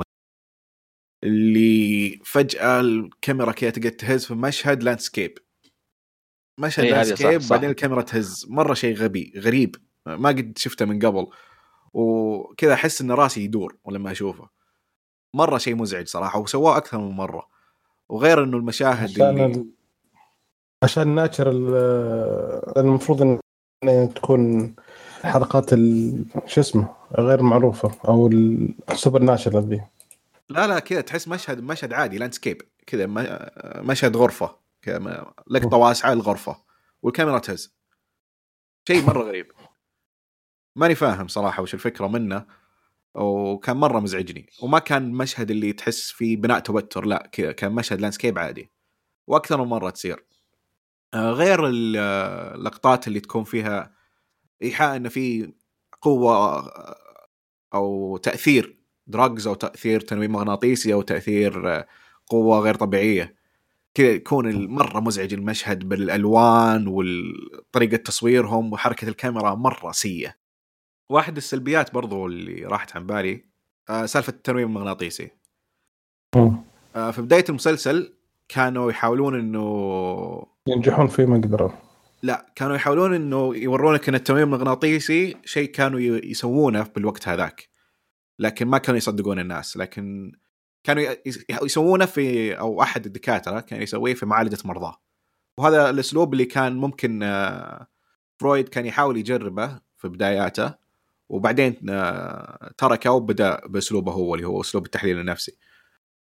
آه، فكان في المسلسل في البداية كان إنه التنويم المغناطيسي يحاول يثبت لك إياه يحاول يوريك إنه صدقي وفي طريقة للتنويم المغناطيسي. بعدين يوريك شخصية ثانية غير الدكتور النفسي اللي تعب عشان يقدر يدخل المريض في حالة التنويم المغناطيسي. شخصية ما لها دخل وتدخلك تنويم مغناطيسي كذا بأسهل حركة ممكنة وتخلي بكلمة واحدة. ومو بشخص واحد يعني كلمة تقول- واحدة قالت. اي بالضبط. وممكن تقول إنه أوكي ممكن الشخص هذا صار آه، تحت السيطرة مثلا فسهل إنك تنومه. لكن هذه صارت تنوم كل أحد في المسلسل. ما, ما وقفت. حتى هو في الأخير صار ينوم كل الناس ترى. اي مرة شيء كذا تركوا منطقهم. يعني بنوا بنوا منطق بعدين تركوه. اي تحس في شيء. يعني كان البداية تحقيق بعدين يوم أول ما دخلوا بال fantasy ضاع الم- المسلسل صراحة. بالضبط. فهذا واحدة من الأشياء الغبية صراحة جدا في المسلسل اللي يلا نام خلاص نمت. وبذاك الوقت ما كان في عناصر supernatural فأنت كنت تشوف المسلسل كأنه شيء آه، المفروض إنه يكون له منطق عرفت؟ فلما أنا أتفرج أقول إيش السالفة؟ إيش جالس يصير كذا؟ كيف هي جالسة تنومه؟ المفروض إنه في تحليل. لكن بعدين قالوا إنه ترى السالفة supernatural okay طيب المفروض تعلمونا من البداية عشان أتقبل الموضوع. فهذه أعتقد آه، سلبياتي في المسلسل. آه فخالد آه أو معليش بدر هل في عندك شيء تضيفه كسلبية؟ لا والله الله يعطيك العافية ما شاء الله كنت تكلمت أوكي. آه ندخل للاسئله المعتادة.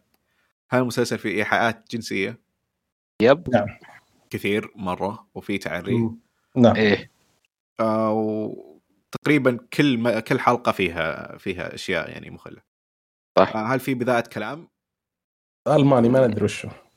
آه وبس فيه أعتقد إيه إيه، في في آه ينفع صراحة. المشاهدة الجماعية. آه والله يمكن. إيه. أنا أشوف له آه لا صراحة لأنه في أشياء آه. جدا آه صح صح إيه. إيه مرة يعني ما ينفع. آه هل في عنف؟ إيه. في شوي. في إيه، لا في مشاهد دموية كثير. كثير. كثير مرة. آه أوكي. أما آخر سؤال مين ممكن يعجب المسلسل؟ ما أدري والله. أي واحد يبغى غموض أي واحد إيش؟ يبغى غموض يمكن يعجبه. ما في غموض الغموض ينتهي بنص الحلقة الثانية. اللي يبي fantasy يمكن آه، ممكن يعجبه. بس fantasy مو بمرة قوي يعني خلينا نقول. لا إذا تبي تتابع تابع عشان شخصية آه، الشرطي بس صراحة. هو اللي إذا تبي تتابع تحقيق ودراما و background ممتاز صراحة تغاضى عن الباقي وتابع. ترى مرة القصة حقته مرة ممتازة. صح أتفق معك. أوكي آه رأيك الأخير خالد؟ آه أنصح بس عشان شرطي صراحة. آه، أنا بالنسبة لي عناصر الجذب للمسلسل هي إسم فرويد آه كنسل إذا كان هذا اللي بيجذبك لأنه المسلسل آه راح منحنى خيالي ما راح منحنى. واقعي. آه العنصر الثاني اللي هو قضية آه، قتل وميستري كنسل لأن المسلسل آه سحب على هذا وما عاد صار فيه أي غموض. كان العنصر الثالث هو سالفة التحليل النفسي cancel لأن المسلسل صار fantasy كان fantasy ف cancel لأن المسلسل ما في منطق في ال fantasy. ف... لا ما أنصح إنك تشوف المسلسل. مع طيب من كان اول يا الله، من اول قلنا يلف ويدور مع إني استمتعت فيه. وفي نهايته استمتعت فيه جدا. يعني عجبني المسلسل لكني ما انصح تابعت الثمان حلقات كاملة؟ كاملة. في شيء بسألك كامله بعد التسجيل. okay. آه ونهايته جدا عجبتني لكني ابدا ابدا ما انصح فيه. فهذا كان مسلسل حلقتنا فرويد. هذه نهاية الحلقة. اللي بيكمل معنا حرق Westworld إحنا الحين بنبدأ فيه. إذا ما كنت تبغى أو ما شفت Westworld روح شوفه وارجع اسمع حلقتنا من هنا. وشكرا لاستماعكم. والحين نبدأ مع الحرق. Westworld رجع في الموسم الثالث ونزلت على قناتنا في اليوتيوب حرق للثلاث حلقات الأولى. وبرضه آه، نزل recap للموسمين الأولى. فاللي مهتم بالمسلسل أتوقع إنه قد شافهم. وإذا ما شفتهم أنصحك إنك تتابعهم لأن أبو عمر سوى شغل جميل صراحة على الحلقات هذه. آه، فبنتكلم عن الثلاث حلقات الأولى كحرق وبرضه آه، حنقول رأينا فيه بداية الموسم هذا والتغيير اللي صار في المسلسل. فنبدأ معك عبد العزيز. وش رأيك في بداية المسلسل والتغيير اللي صار فيه؟ آه طيب. صراحة يعني أنا عن نفسي أشوف إنه ممكن هي أفضل بداية آه للثلاث مواسم كلها. يعني خلينا نقول من أول الثلاث حلقات. ثانيا آه كل حلقة ش- يعني بشكل عجيب إنها جالسة ترتقي عن الحلقة اللي قبلها. أيضا آه حبيت التوجه الفني واللي هو الخيال الواقعي للمستقبل. طرح. المستقبل. إيه. آه وعندي نقاط راح أذكرها يعني. ممكن بيفيدنا فيها بدر بحكم إنه موجود هو من التقنية فممكن يعطينا معلومات كثير عن عن أسئلة عندنا. برضو آه، الانتاج رهيب قوي جدا. يعني لا حقيقة القصة وتوجهها برضو مرة رهيب. ف كامل كامل الأشياء ع- يعني ك كمسلسل كامل وتكملة جدا معجبني وكل حلقة أشوفها أفضل من اللي قبلها. أوكي. آه بدر؟ أوكي هلا. آه كيف كانت بداية الموسم معك؟ والله أول حلقتين ممتازة جدا. عجبني جدا و حلو الفكرة الجديدة اللي كان مسويها أنا توقعت الموسم الثاني قلت okay. تعرف على الأشياء اللي صارت الموسم الثاني؟ كنت متخوف بس الموسم الثالث لا والله حلو. وش كان رأيك في الموسم الثاني؟ في كثير up and down up and down up and down فيعني شوية يعني وصل مرحلة too much يعني مبالغ فيه من كثر ما في ما ما في شيء ثابت. صح. okay? فهذا الشيء اللي يعني آه، شوية واحد يموت شوية ما طلع مات شوية واحد ما شيء فيعني شوية زي كذا. طلع ميت في المستقبل مو بالحين اي طلع ميت في المستقبل. فيعني شوية يعني هذا كان كذا. حلو كإثارة حلوة. بس يعني كان كثرها حسيت إن كثرها شوية بس. بس الموسم هذا لا ماشي كويس. هو أنا لازم أتكلم عن الموسم الثاني عشان أتكلم عن هذا. أنا الموسم الثاني جدا كرهته وأشوفه سيء سيء سيء جدا. مو الحمد لله. كان الحمد سيء. لله مو بس. بالضبط زي ما قلت لأنه في غموض.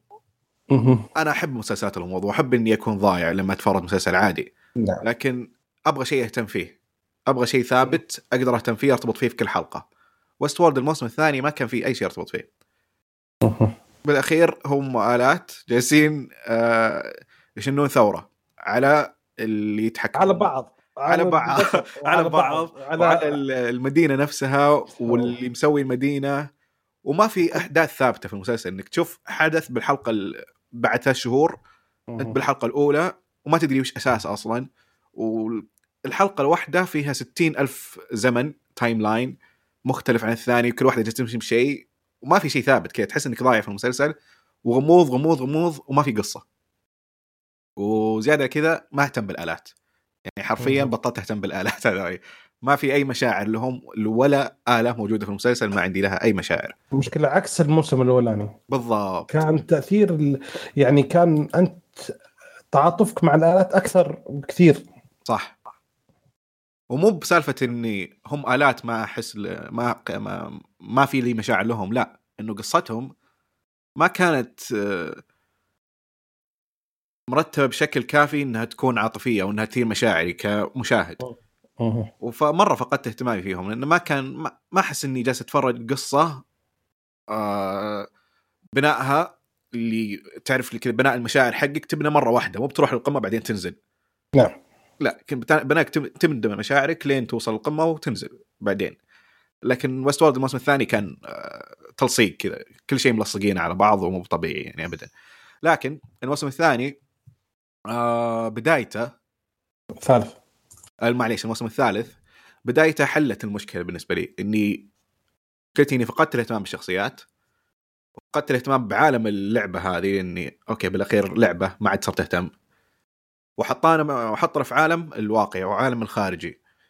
فهنا بديت إنه في شيء ممكن أهتم له في شخصيات اللي ممكن أهتم لها في حياة ثانية نعم. ممكن أهتم لها في لها تأثير. وكان السؤال المهم إنه أوكي الموسم الأول والثاني كانت عبارة عن آه، آلات ما تتحكم بنفسها أو في أحد يتحكم فيها ويحاولون أو صار عندهم وعي إنهم آه، يطلعون للعالم أو يتحكمون بحياتهم. الموسم هذا كان أكبر سؤال عندي إنه كيف حينقلون هذا الشيء والفكرة الأساسية حقت المسلسل هذه للعالم الواقعي. وبناء على الحلقة الثالثة أنا جدا منبهر وجدا جدا عجبتني الفكرة إنه زي ما شرحوها في الحلقة الثالثة إنه البشر صاروا آه، عندهم زي النظام اللي هو نسيت اسمه آه، شو اسمه؟ نظام تحليل. بيانات وأشياء زي إي هذا لكن نسيت ولد اسمه. ولد سليمان أيوه هوبو ما ذكر أو شيء مثل كذا أنا آه فصار في منطق شوية إنه البشر برضو عايشين بنفس هذا الشيء بنفس ال... الحياة اللي كانوا عايشينها الآلات في الموسمين الماضية وطبقوه على البشر في شكل مختلف وشكل أوسع. فحبيت ال- الانتقال هذا. لكن نرجع للحلقة الأولى. إنه أساس إعجابي في المسلسل هذا إنه القصة صار لها قيمة بالنسبة لي. قصة مثل الموسم الثاني ما كان لها قيمة باستثناء كم حلقة. آه الموسم هذا فيه قيمة فيه أثر كبير للأشياء اللي جالسة تصير. مو بس على آلات بيعيدون ترتيبها وخلصنا لا. هنا في شخصيات حقيقية في تبعات تبعات مؤثرة للعالم إيش حيصير للناس اللي موجودة في الموسم هذا. عشان كذا زاد اهتمامي أو رجع اهتمامي بالمسلسل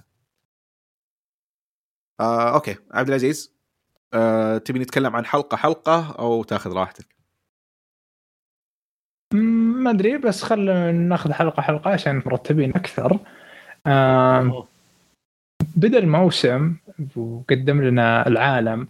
يعني باستعراض رهيب للسي جي اي ما ما أدري إذا أنتم قادرين تتخيلون كمية المؤثرات البصرية اللي موجودة بالمسلسل حاليا.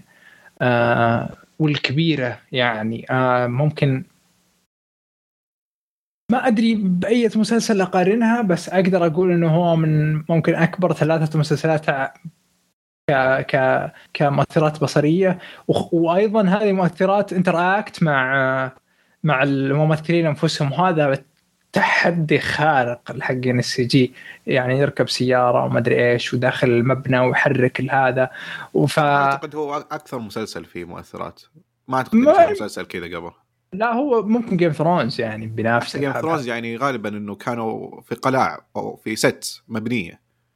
أو في غر أو على كلها كلها ترى ال set حقت Game of Thrones أغلبها ترى كانت CG يعني إي بس إنه يكون آه. بالأخير green screen مو بشيء آه،. يتحرك حتى تقريبا بس هو المقصد بأنه صحيح الكلام اللي أنت قلته بشكل عام يعني لا آه، كذا HBO قفزة ثانية برضو للعالم الإنتاج. طيب. آه ولما نكمل بالانتاج كان آه اللي هو تخيل العالم ذاك الوقت. آه وإلى أي درجة راح يكون آه اللي هو منطقي وواقعي وأيضا على واقع الابتكارات اللي موجودة داخل آه إيش يسمها ال Westworld أول.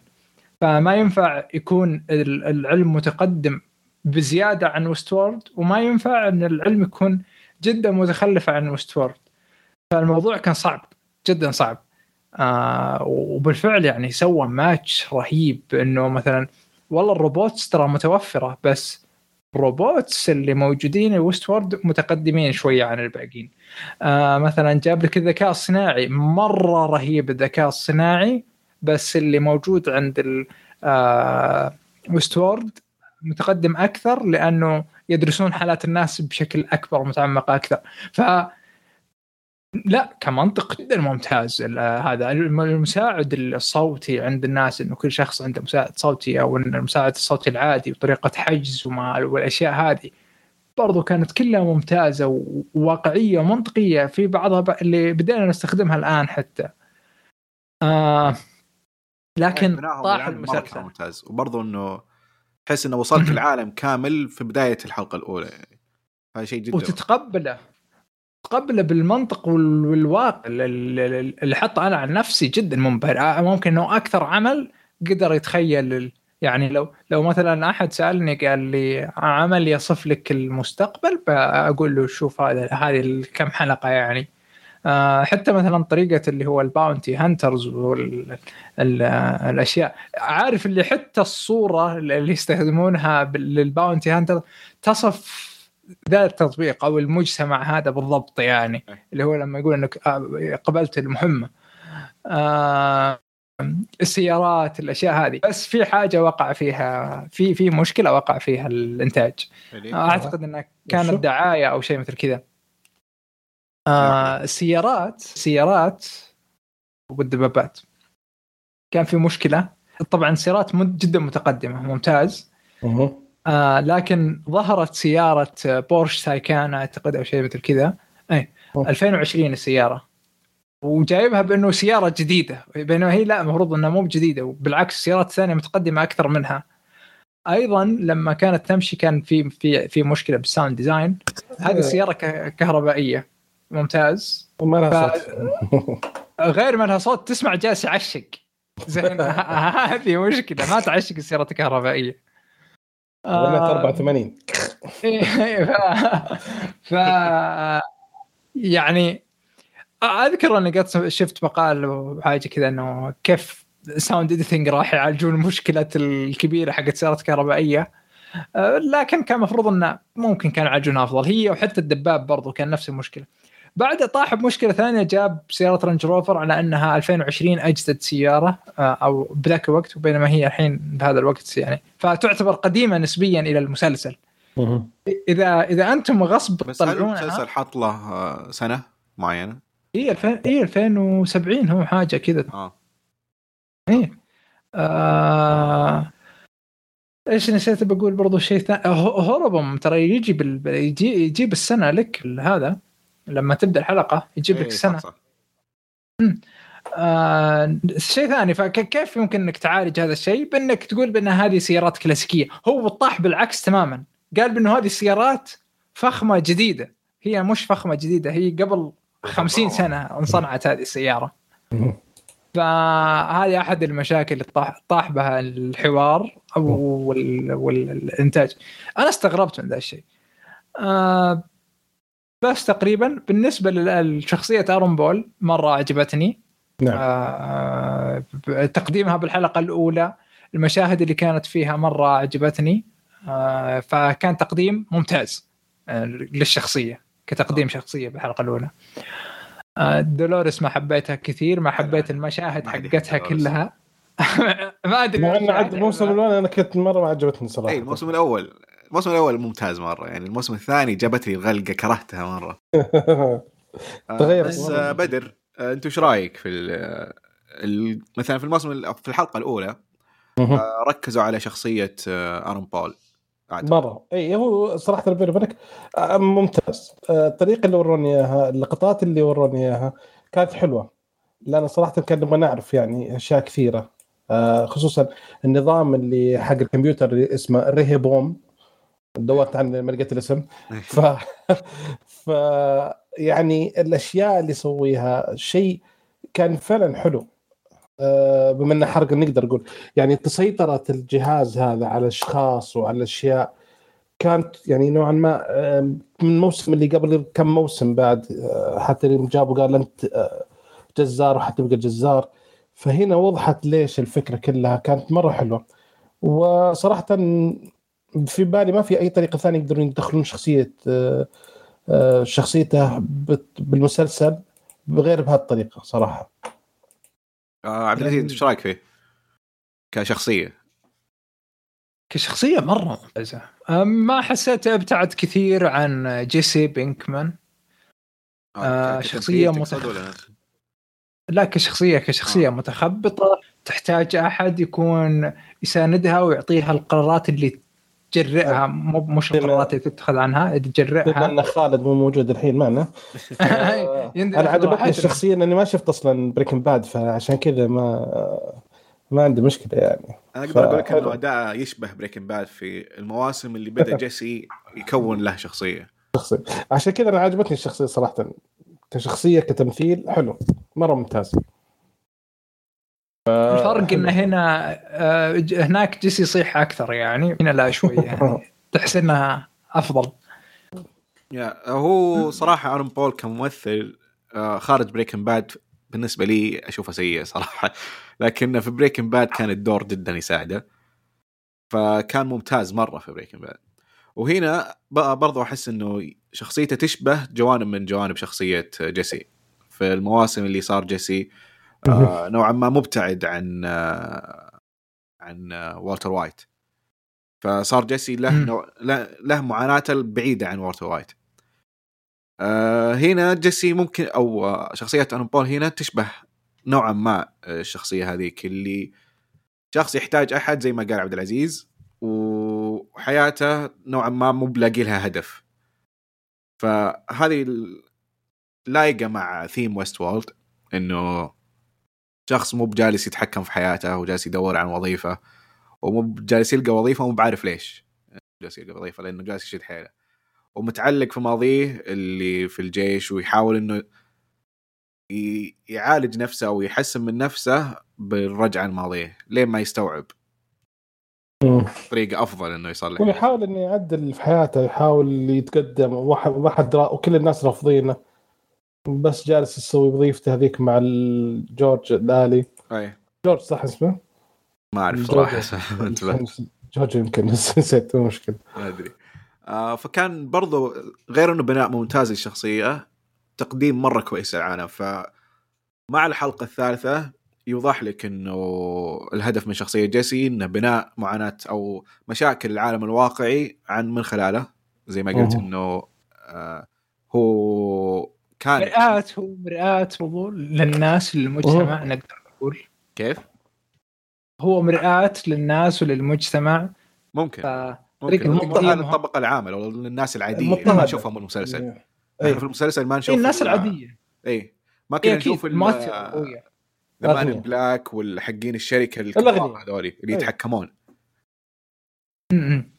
إيه تقدر هو تقدر يعني أعطاك زي للناس داخل المجتمع هذا. يعني قوة البناء مو بس لل- للمباني والسيارات إنما حتى الناس. أعطاك كذا زي الدرس التفصيلي البسيط عن حياة الناس وكيف هم يمشون.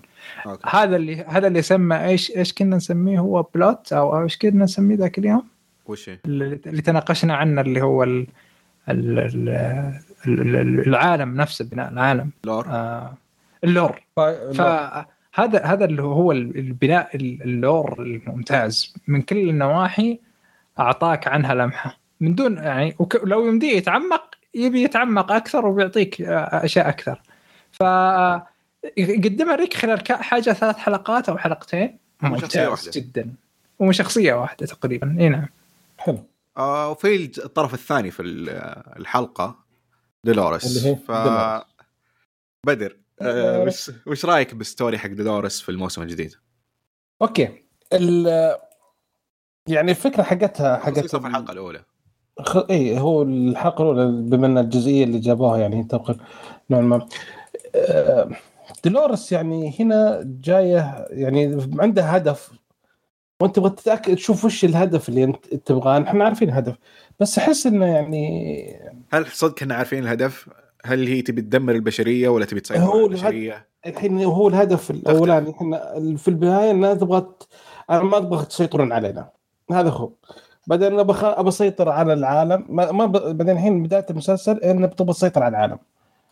الهدف الأساسي باين عليه انك تبغى تسيطر. مو مسألة تبغى تدمر لأنه في طرق كثيرة تقدر تدمر العالم فيه. إلا عاد إذا تبغى تاخذ وقت طويل لما تدمر راعي راعي طويل. ممكن تبغى. تتحكم في العالم لما تتحكم في الآلة هذه حقتهم. هي ما تبغى ما تبغى تقطع أساسا أو أو ان تدمر العالم. لا ما مش هذا الهدف إيه تبعها ابدا. الموسم الثاني كان كل هدفها إنه تدمر. الموسم إيه، الثاني إيه،. الدليل إنه وش تب- تبغى تروح؟ زي ما سويت لعبتوا فيني أنا بحوسكم زي ما. اذبح أنا بذبحكم. في الحلقة كانت أول انتقامي، صح. قابلته إنه أنا ما أبغى أقتل أحد إلا ال- اللي آه، ممكن يأذوني. فقط. هو تغير موسم. أقول لك تغير بالنسبة لي. تغيرت هي أنا تغيرت الفهم كل. التوجه اللي كانت فيه إن عارفين وش التوجه اللي كانت فيه. هنا الحين تغير. الشخصيه تغيرت إيه، صحيح. واضحة. هي وضحت بعدين إن بما إنها قرأت الكتب وكل شيء عارفة الأشخاص منهم اللي تبغى وش اللي يفيدونها. إيه. وضح صحيح. فهذا آه أول بس. شيء راحت وخذت ال... آه، عشان آه، راحت المطور أخذ ذاك أخذت من المبالغ كلها. وبعدين آخر شيء ما قتلت زوجته. طيب آه، ليه؟ لأن ما تحتاج تقتل زوجته ما كان. إي هذا هو. فيعني تغير على طول بداية هنا تحس إنه في توجه جديد لها. آه بس بالنسبة للدولوريس يا أخي سوبر جيرل صراحة وخصوصا من الحلقة الأولى يعني هي حرفيا super. girl يعني. هي آلة. اي ما لا بس ما كانوا المشكلة مع الآلات إنه ما نعرف حدودهم إلى حد إيه، الحين. صح صحيح. فصرت أتوقع أي نعرف شيء. ولا نعرف لا نعرف حدودهم ولا نعرف قدراتهم ولا نعرف برمجتهم ولا شيء. صراحة too much يعني. في اشياء فهذا هم مخلين نفسهم مجال. ليش ليش أربط نفسي وأحد نفسي؟ خلي ما حدد إيه بس هي إذا هذا هذه تعتبر تعتبر سلبية. يعني الحين هي تبع شركة Delos. يعني جوال Apple يقدر يخترق آه، شو يسمونه أو أو نظام Apple يقدر يخترق آه، الأشياء حقات آه، امازون مثلا لأنه بس آلة لأنه بس اي اي ما اي لكن مهما يكن لا. أيوه بالضبط. لكن هي تقدر تخترق أي شيء لأنها آلة. مش. منطق هذا. مش منطق ابدا. آه وي... ويبدو يبدو إنه الشخص المشكلة في نفس الوقت إن ارنولد ما عنده القدرات هذه مع إنه آلة. صح هذا شيء أيوة. هذا شيء غريب. ممكن إيه. أنا ماني فاهم حتى الات صارت ثانية تفاصيل عن آلات ثانية. أها أيوه هذا عندهم غير عن... قدرات والثانيين ما عندهم قدرات السبب؟ مع إنه. يعني أنت تتوقع إنه نفس ال... بما إنه نفس الشركة اللي سوت أو نفس التوجه هم في ال- حاطينهم ك يأدون دور فما حيخلون ليش يعطون واحد آلة قدرات أكثر من الثانية بس أعتقد ما- صححوا ما لي في. إذا كنت غلطان إنه اللي عندهم قدرات هو اللي مسويهم شخصية أنثوني هوبكنز آه. آه هو شوف من أول. أيام أيام ال- ال West طيب أوكي كانت القدرات أرنولد من من مسويه؟ دقيقة بس آه، كانت القدرات مبنية على ال narrative تبع كل شخصية معينة إذا هذه الشخصية قوية يعطونا قوي إلى آخره فكنا نعرف يعني نقدر نعرف ما ما. ما معليش أخوي عبد العزيز معليش دقيقة مم. أنت حاط شخصيات في عالم كاي بوي في عالم ال West إيه. القديم ما حد عنده قدرات supernatural ولا عنده قدرات hacking ولا عنده قدرات هذه كلها. صح؟ إذا أنت تتكلم عن الأشخاص اللي سواهم فورد طيب إن ارنولد مسوي مسوي فورد بعد نفس الشيء. وهذاك هو مسويه على شكل صديقة. يعني المفروض هذا هو أكثر واحد حاط فيه كل شيء. صح؟ أكثر من آه، دولوريس فهذه اللي. أنا قلت أنا بالنسبة لي أنا في رايي إنهم حاطين لهم مجال نفسهم عشان يخ... ياخذوا راحتهم في الكتابة غالبا إيه. عشان لا نحد نفسنا أحط نفسي بعدين أتورط لا خلاص انتهى الموضوع أرنولد عنده excuse شوف ك hacking مو أرنولد عنده أنا الحين جالس أتكلم عن القدرات البدنية تك- تمتلك قدرات بدنية خارقة للعادة إيه. هنا السؤال إنه ليش أرنولد ما عنده نفس هذه القدرات؟ الم-. المشكلة وهي شخصيتها. وشخصيتها أيوة، ترى هي. كانت أيوه شخصيتها أساسا هي ضحية فليش اعطيها قدرات خارقة أصلا؟ هي ضحية. هي هي تقتل لا لا هي هي خ- هي. هكرت نفسها. هي هكرت نفسها رفعت صارت سوت كذا 99 لا هي لا، حطت- تعدل؟ نفسها ترى. سوت cheat. هي رفعت. أيوه هي هي عارف. حركات بلاي ستيشن 2 من أول مع اللاعبين. آه بس ترى دولوريس سوته. دولوريس عدلت من آه. نفسها فعشان كذا هي عندها قدرات خارقة. وبرضه آه أرنولد هو ما أعرف اسمه صراحة. آرلوند. ارنولد إيه، ارنولد هو- هي اللي مسويته. آه وبر- نفس الشيء إنه كان عنده قدرات خارقة يعني. أعتقد في الحلقة الثانية أو الثالثة. إيه، لولا بلولا أعتقد لولا بان بانت القدرات حقته شوي. نتكلم عن العضلية وال- هذا إيه، لا، إيه، إيه. فلوله عصب وانفجر وطقر خلاص آه، خدت الحين خلصنا. من تقديم آه، ارنو آه، شو اسمه؟ لا ما دخلنا. على. آه. okay آه في شيء تبغى تضيفونه على دولوريس في الحلقة الأولى مه. okay آه الحين في الحلقة الأولى برضو كان عندنا توجه ثاني ونض... عن سالفة ال... أرنولد آه الشركة نفسها والقضية مم. اللي جز... أو هذه كانت في الحلقة الثالثة ولا الأولى؟ ولا الأولى الأولى. يوم تريشا جالسه تحاول إنها آه، توجه تبيع الشركة. أي. أو تطرح اسهمها للببليك أوكي. آه هنا كان في برضو برضو بناء للعالم الجديد هذا إنه فنجي المشاكل كثير للشركة إنه في مشاكل كسمعة للشركة وإنه كيف حتحافظ على الش... على اسمها وممكن انها تعيش بعد ال- الحادثة اللي صارت.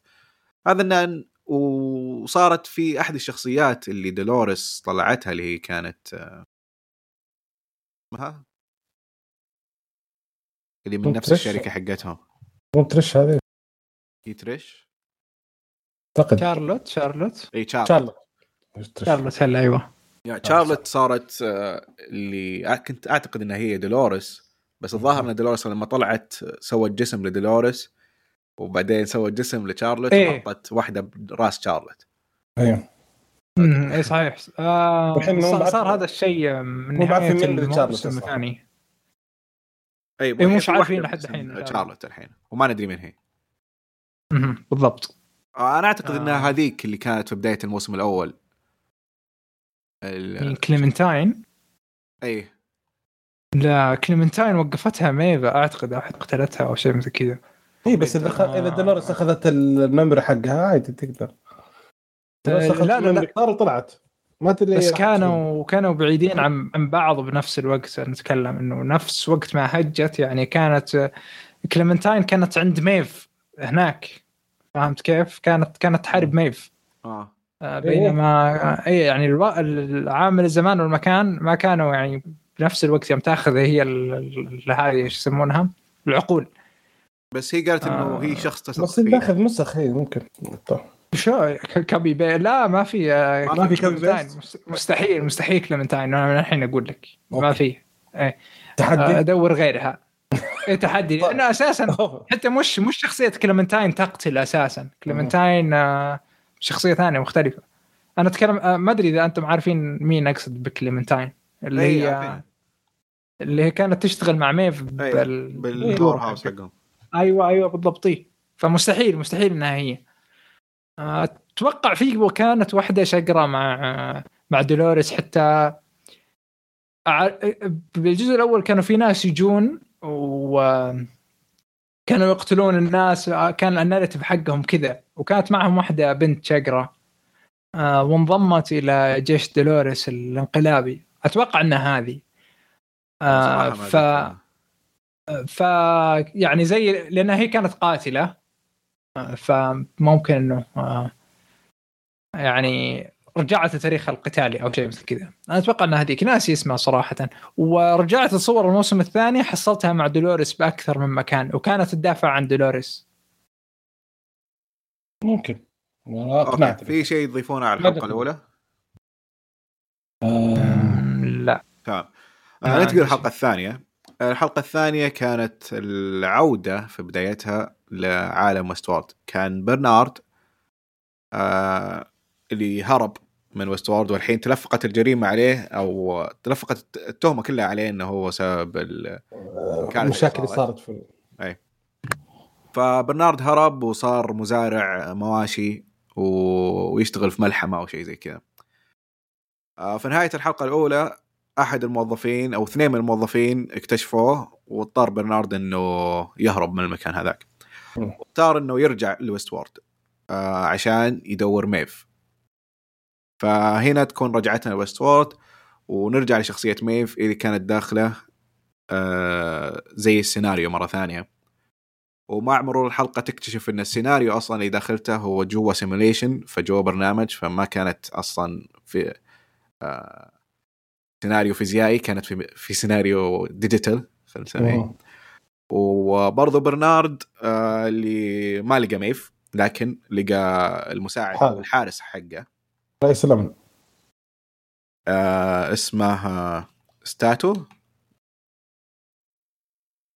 شكرا. المهم آه لقى الحارس حقه أو ال- البادي جارد حقه وحاول يساعده إنه يلقى ميف في Westworld لكن اكتشفوا إنه في أحد أخذ آه شخصية ميف أو عقل ميف. وسرقه من Westworld ف الحلقة هذه مركزة على شخصيتين هذول الثنتين فبنمسك أول شيء آه سيناريو آه شو اسمها ميف بدر وش كان رأيك في الحلقة الثانية وفي شخصية ميف؟ والله شخصية آه، يعني استمرار على اللي دورها. آه، صح إنها كانت آه، هي مو بدارية الموضوع وتحاول تطلع بس كانت مرة فكرة حلوة صراحة. التوجه إنها كانت لسه هي في ال simulator عشان يعني تطلع. عجبتني صراحة. إيه صراحة الحلقة فكرة الحلقة حلوة لكن اي نعم. أنا شخصيا عندي مشكلة مع عالم Westworld خلاص. ال- الملاهي والأشياء هذه وال simulations حقتهم خلاص تغثني ما عاد اتقبل إني أشوفها. لما أشوفها أقول خلاص هذه الحلقة سيئة. لما رجع قال إنه بنرجع Westworld قلت يا الله خلاص بنرجع. للسالفة ذي.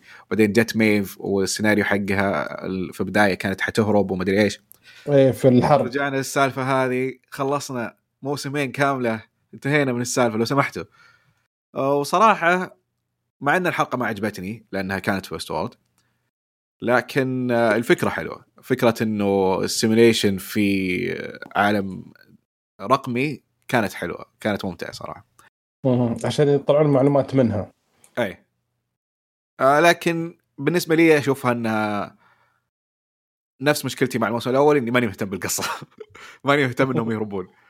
آه عبد العزيز آه وش كان رأيك في الحلقة الثانية؟ أول شيء أول النقاط الإيجابية ما ظهرت فيها دولوريس. صح إيه. هذه لها. آه، وأنا ما من الشخصيات اللي أفضلها صراحة. آه، أفضل أهدافها وأفضل يعني أكثر أكثر من جانب لها بأنها تقود ال...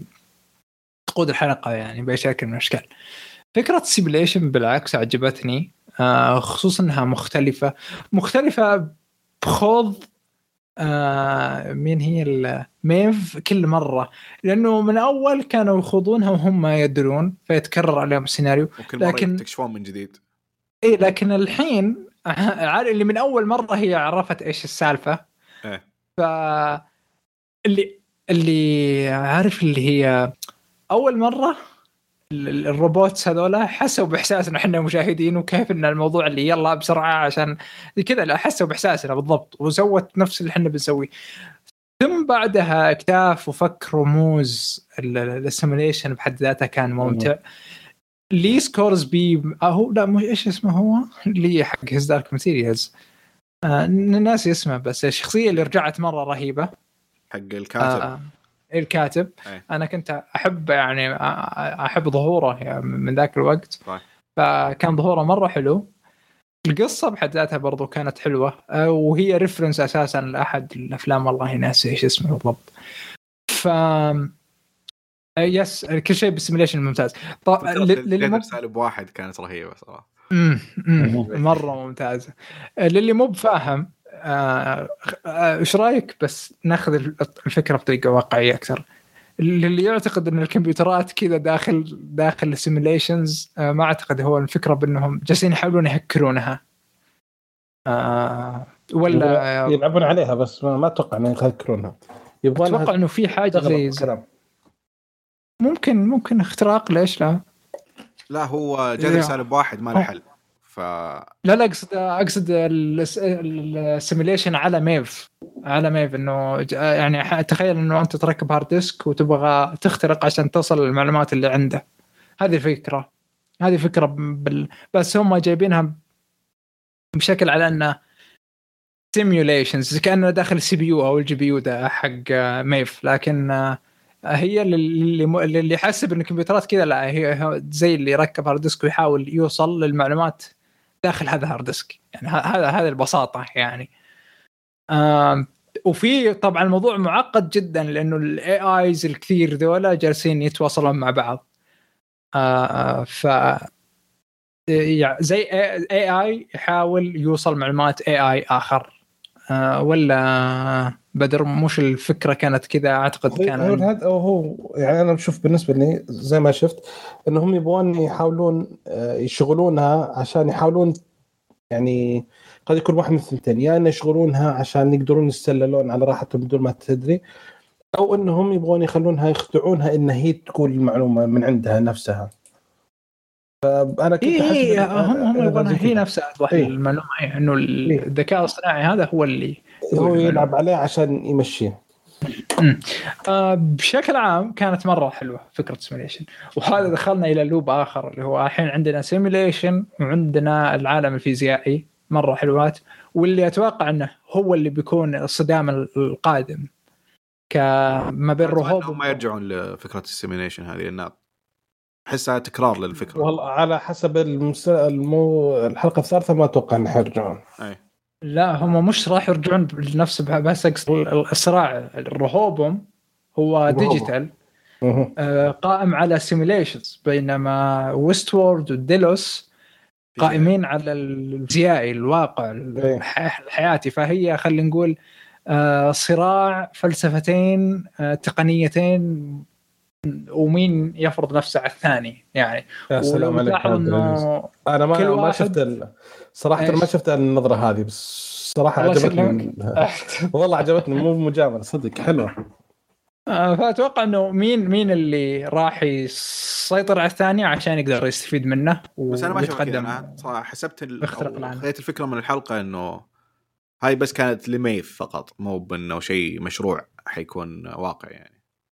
كمنافس لويست الصدقيه لا أنا أشوف إنه في منافسة ما بين الناس اللي داخل ويست طبعا ديلوس بحد ذاتهم أو الروبوتات حقت حقت ديلوس. آه وعندك روهوبم والناس اللي خلف أنا أتوقع إنه هذا هو الصراع. هذا صراع ويست وورد الموسم الثالث. آه فتقريبا هذه جزئية ميف كلها كانت معجبتني وكنت مرة مستمتع. Okay. حتى الفكرة اللي فكرت فيها مرة حلوة. هذه كانت حلوة صار فكره طريقة هروبها يعني كانت رهيبة. لكن آه، أتمنى إني ما عاد أشوف شيء زي ال simulation حق أو السيناريوهات حقت Westworld الموسمين الأولى يعني مرة ثانية. أتمنى إنه خلاص نصير في العالم الحقيقي ونترك Westworld لحاله. آه، okay. آه، والقصة الثانية كانت في المسلسل كانت آه، عن برنارد. آه، برنارد كان يبحث عن ميف ويبحث عن ميف عشان تساعده إنه يوقف دولوريس. آه وش السالفة؟ ليش؟ ليش يبي ليش ما يقدر يوقفها بلحاله؟ آه عندها فلسفة أتوقع. هو من زمان مؤمن ترى بميف. من الموسم الأول أو الثاني كان كان يعرف إنه ميف ذو قدرات معينة وذو فلسفة يعني تختلف عن فلسفة دولوريس. وكمان في أحد كان لعب مستوياتها وطاقتها من أول. حتى يوم قالت لهم زيدوا طاقتي ميف قالوا في أحد داخل أصلا مغير. فيمكن هو من زمان كان.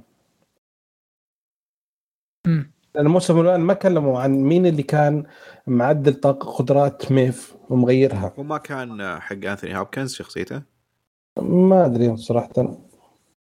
أتذكر برضو برضو ميف لها تواصل مباصل مباشر مباشر عفوا مع ال مع إيش اسمه اللي هو انتوني فهمت؟ فورد فورد اي فكان لها يعني هو من يوم ما صنعها لها مكان خاص. أي. وحتى أذكر إنه سوى خريطة ال- ال- اللغز هذا عند بيتها يعني ففي شيء قائم على ميف وبنتها والشيء هذا فميف شخصية مهمة. لانقاذ Westworld عشان كذا سيراك هو اللي يبغاها تجي بالضبط بالضبط. وأرنولد برضه يبغى يضمها يعني. okay. آه آه. شخصية ترى سيراك مهمة جدا في الح... في الموسم هذا أتوقع. أنا صراحة جداً. الممثل هذا جدا أحبه ومرة مبسوط إنه في مسلسل وستورد آه شخصيته أتمنى إنه يكون لها ظهور أكثر. يعني ما يكون فقط آه، اللي يطلع كذا بحلقة وخلف الكواليس. لا أبغى يكون له دور أكبر من كذا. أنا أتوقع على دوره على إنه هو أصلا الوحيد اللي اللي يقدر يدخل الرهوب ويشوفه هو اللي أصلا اللي كان آه، المؤسس أو الشخص المؤسس مع اللي كان مع اللي أسس رهوبه أساسا. فأتوقع إن دوره حيكون مهم جدا في المسلسل. آه طب آه، هل عندنا فكرة عن إيش خطته هو بالضبط؟ أصلا ما حد يدري عنه وش هو أصلا هو ما حد ما, عند- ما حد عنده معلومات عنه.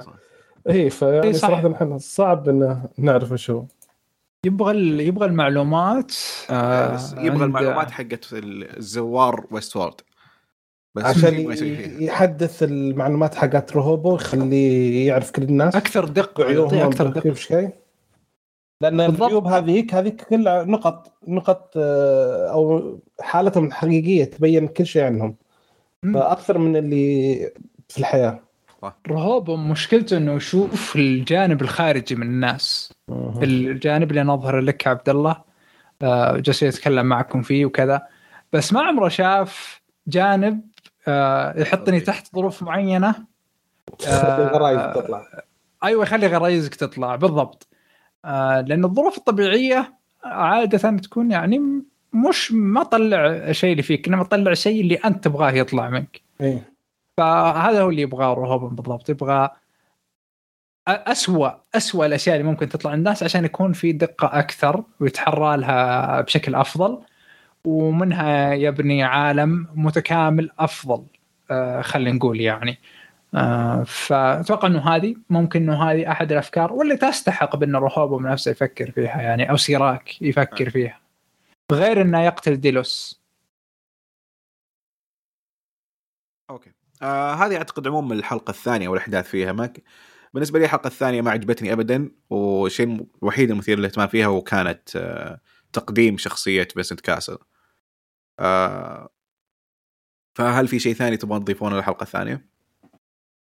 آه، قدرة سيراك على التحكم في ميف سلم على دروغون اي صح. هل هو ممكن من ال simulation حقه قدروا إنه يسوون شيء بنظامها يعني؟ أو يتعرف على نظامها أكثر إنه يقدر يتحكم فيه؟ لا قد تحكم هو فيها صح؟ اي قدر يوقفها. فيعني يعني حتى هو بناها مرة ثانية وتحكم فيها. صح ممكن. مساكين والله هل كلهم سهل يتركب عليهم سيستم موديل ها؟ مركبينها موديل. شيخ ذكرني كمبيوتر عادي بعدين تجي. دولوريس خلاص تفكر شيء. آه، أوكي. آه، الحلقة الثالثة رجعت دولوريس ودولوريس آه، صارت هنا بطلة آه، كأنها شو اسمه؟ آه، كيانو ريفز بالفيلم ذاك. جون ويك. جون ويك. خ- خربت النكتة يعني نسيت الاسم. آه، صار جون ويك صار اسمها جين ويك. آه، لا في مسا... في فيلم اسمه Atomic Blonde زي جون ويك بس بنت. آه حقت شو اسمه؟ آه، تشارليز ثيرون. أيوه بالضبط هذا. okay. آه هنا دولوريس صارت نوعا ما بطلة أكشن وصارت ال... أو أنقذها. هذه كانت في الحلقة الأولى ولا في الحلقة الثالثة؟ نسيت. نهاية الحلقة الثانية. أنقذها بول صح؟ okay. لا هو بعد ما انتهت الحلقة الأولى أو نهايتها مسكها بعدين كانوا بسيارة اسعاف الحلقة الثالثة بدأت من كانت بحالة حرجة بعدين صارت أيوة، صح، أسطورية. إيه، ما أدري وش اللي صار. يوم انها تقوم ليش ما قمت؟ ما أدري الصراحة. بالضبط. هنا في شيء إيه. غبي. آه، دولوريس كانت مصابة. بعدين جاء واحد يساعدها. ال- لا اللي بس الحلقة الثالثة يا شباب. اي الحلقة الثالثة. اي مصابة دولوريس هنا كانت إي صح في شيء إنه كانت آه، الشخص هذا اللي كانت آه، تواعده. آه، هو حق البر... هو اللي مسوي البرنامج اللي يتحكم فيه شخصية فينسنت كاسل. نعم. هو رئيس الشركة لكنه ما يتحكم بشيء. فدولوريس كانت تتقرب للشخص هذا عشان توصل للشخص الثاني اللي هو اللي متحكم اللي مختفي عن العالم. وبعدين آه كشفوها و- ودولوريس طلعت مرة قوية وقتلت الحارس الشخصي حقه وخذت جسمه أو سوت من جسمه. حط واحد ثاني. إيه ودخلت واحد من الشخصيات اللي خذتهم وحطتها في رأسه أو في جسمه وصار هو. آه المهم إنه في بداية الحلقة دولوريس كانت مصابة وقدرت تقاتل ست أشخاص. آه وكانت مصابة وسألها اللي كان معها إنه انت مصابة روحي وأنا بتعامل معهم؟ قالت لا ما عليك. بعد ما قتلتهم تعبت وجلست. وما ما عاد قدرت تتحكم فليش ما ليش سوت كذا؟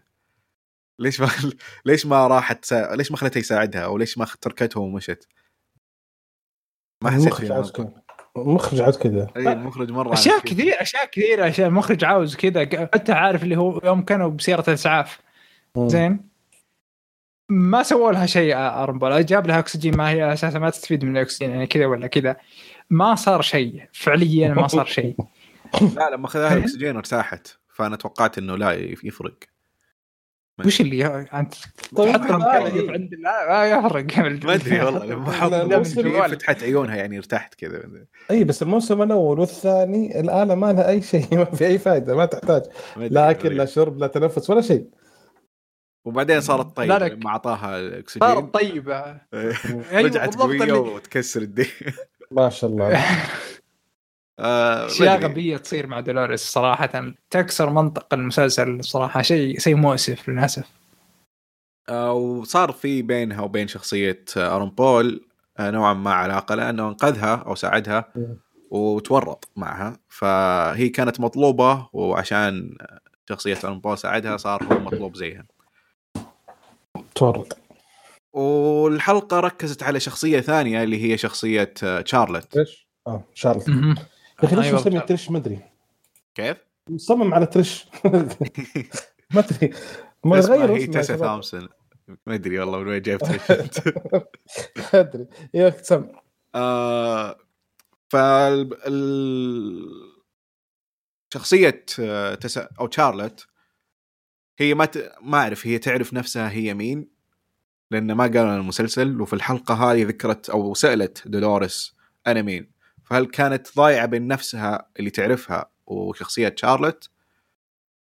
أو إنها صدق ما تعرف نفسها. بس أنا أتوقع إنها هي تقول الذكريات تحاول إنها تسيطر على جسمي وتطلعني أنا. هذا شيء ما فهمته. شيء. يعني إن شا... ش... كلام فاضي ذكريات هذا شارلوت هي اللي شلون؟ تبغى تطلع تبغى تسيطر على الجسم مرة ثانية وتصير هي شارلوت مرة ثانية. هذا جسم جديد ما- أصلا مو بجسم شارلوت. فكيف ذكريات شارلوت؟ حسيت إنه Metal Gear لما قطعت يد Liquid Snake بعدين خذاه هذاك وبعدين سيطر على جسمه من يده.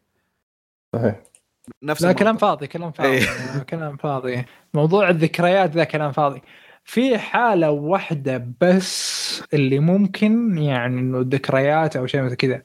بأنها transplant شارلوت عندها ملف عند ديلوس. ممتاز. وهذا الملف آه، سوت له upload آه. على على العقل حقت آه، دولوريس. سوت حياتها. upload. اي لكن ما أعتقد ما إيه، أعتقد ذا الشيء لما راحت شقتها جاء رجال وقالت له أنت مين؟ وش تسوي هنا؟ بعدين قال لها الرجال إن أنا كنت زوجك ما أدري إيش كنت. إيه، اشياء كثيرة ما كانت تعرفها تعرف اشياء كثيرة ما كانت. تعرفها. أيوه بالضبط. فما أدري إيش. المنطق. ممكن يفسرونه لكن ما أعرف. أحس إن في حاجة عن شارلوت. أيوه.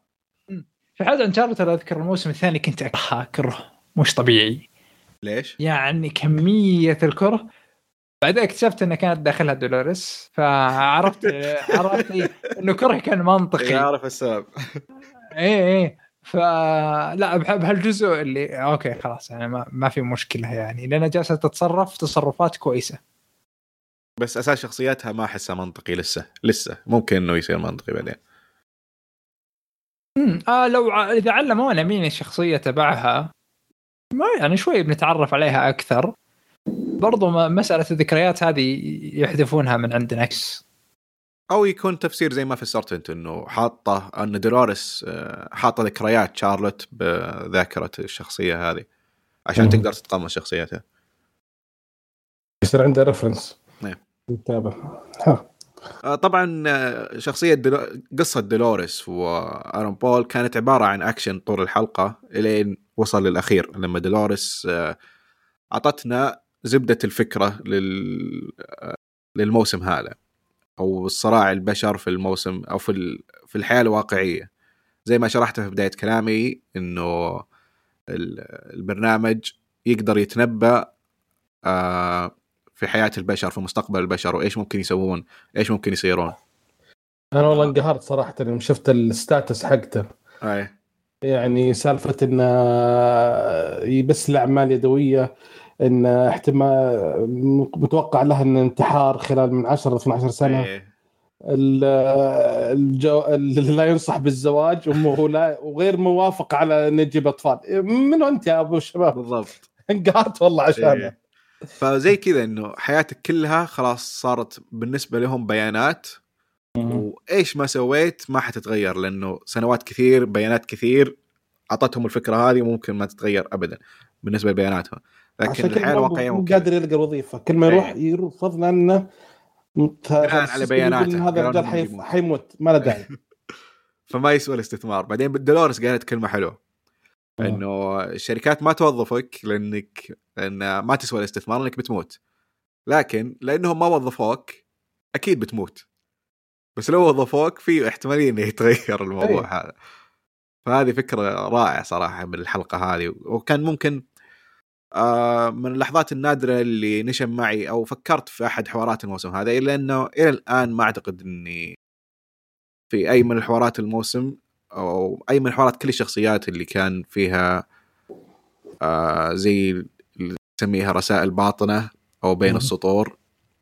كل شيء كان straightforward أو إنه غموض بدون أي فك... بدون أي فائده آه لا فهذا ما, كان. ما, ما تقول بدون ما فائده لأنه ما ندري. حيجي بعدين. ما أعتقد انه بالنسبة كان للموسم الثاني كان مليان غموض بدون أي فائده مم. ف في الحركة أنا كل شيء عندي تحليلات عرفت؟ زي البرنامج. حقهم أحلل مستقبل طيب. المسلسل. حلو في النقطة اللي صارت اللي أنا استغربتها إن هي جت ورتها حياتها أول بعدين ورتها حياتها الحالية بعدين راحت ودتها المكان حياتها المستقبل يا أخي ذكرتني بقصص حقات آه، تشارلز ديكنز سكروج هذاك اللي تجي الشخصية Christmas day Christmas past و Christmas future آه. ما يعني ما. آه آه صح آه ولا لا؟ عرفت ال... آه اي ال- ال- قصة مشهورة اللي واحد. بخيل جدا ويجي شخصية قال Christmas Carol. Christmas Carol Christmas أيوة، Carol Christmas Carol بالضبط رحم الله. والديك فأول ما شفت زي كذا قلت ذكرت الكريسماس كارول هو ليش حاطين ليش مستوحين الشخصية ذي؟ هو ممكن انه يكون ريفرنس لها أصلا إيه أو محاولة إقناع يعني هل هذا يحاول يقنعه عشان تخلي معاها آه، رجال يساعدها؟ اقنعته انه حياتك بالضبط هم عارفينها كلها وبناء على معرفتهم هذه حكموا في كل مستقبلك. بالأخير قالت له إنه هذا مستقبلك بالأخير بتجي هنا وبتموت. إيش ما سويت؟ والخيار الثاني عندك إنك تسوي شيء غير اللي هم حاطينه لك. عشان تخرب وهو ما يقدر يسوي أي شيء مختلف يعني ما يقدر يتطور في أي وظيفة. ما يقدر يتزوج لأنه آه، ما يقدر يكون أي علاقات آه، عادية لأنه البيانات هذه موجودة والتوقعات والتحليلات هذه موجودة في عليه. فما يقدر يسوي أي شيء إلا إنه يكون مع دولوريس. هذا شوف ال- الحاله الوحيده اللي يكون بيد التحكم لحياته. المشكلة برهوبهم إنه يتدخل بحياه الشخص وبعض الأحيان يرسم له الطريقة المعينة. فمثلا آه، اللي هي الشخصية حقت آه، آرون بول في آه في علاقة لها نجحت تقريبا وكادت أن تتزوج لولا انه رهوب نفسه هو اللي وقف عملية الزواج وهو اللي دبر عملية الانفصال موجودة كانت بال stats هذه. فهذه بحد ذاتها أساسا مشكلة بأنه مو بجالس هو يتوقع آه، إلا أنه في كثير من الأحيان هو اللي يرسم هو لك اللي يمشيك في المسار. أيوه هو اللي يمشيك بالمسار. سواء أنت كنت تدري أو ما كنت تدري آه كل شيء كل شيء كل شيء قائم على على على هذا البرنامج من من وسائل التواصل وسائل كل شيء. فيقدر هو يغير لك حياتك بكل شيء آه حاجة بسيطة يعني آه ولا شيء. فهذه مشكلة رهوبهم الكبرى يعني انه يغير مسار الناس مو بس يتابعهم. يتحكم يتحكم في المسار يتحكم. يكفي إنه يقول لك غير مسموح إنه يجيب أطفال. هذه مصيبة لحالها آه، okay. هل في إضافة جديدة لدولوريس وشخصية آرون بول؟ يا ريت نجيب اسمها. إن شاء الله دقيقة أجيب. شخصية آرون بول طول المس... طول الحلقة وإحنا نقول. والله يعني عارف آه، كذا من كثر ما هو رهوب ومقتله ما ما خلانا نتذكر اسمه. كالفن صح؟ كالفن.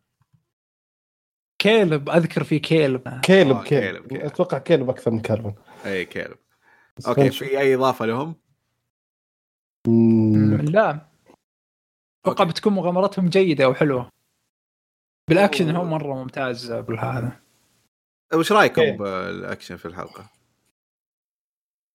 سيء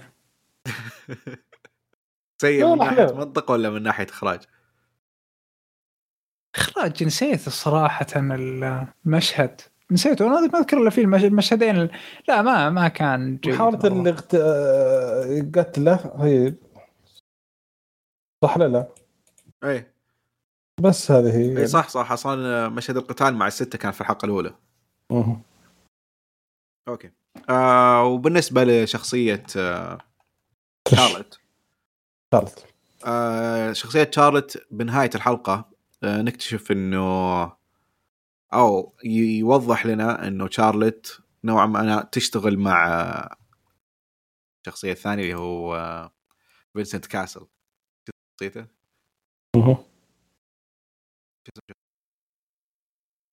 كاسل أيوه كا... أيوه. مو كاسل اسمه. okay. فنوعا ما إنه وضح لنا أو لمحوا إنه ممكن هي اللي تسرب له معلومات. آه، أو كانت شارلوت أي. قبل قبل ما تموت كانت تسرب المعلومات. معلومات إيه مم. صحيح آه. كانت تبغى يستحوذ حتى على ال على ال على ديلوس أساسا ليش طيب؟ ما, ما ندري صراحة. يعني آه، ماشي.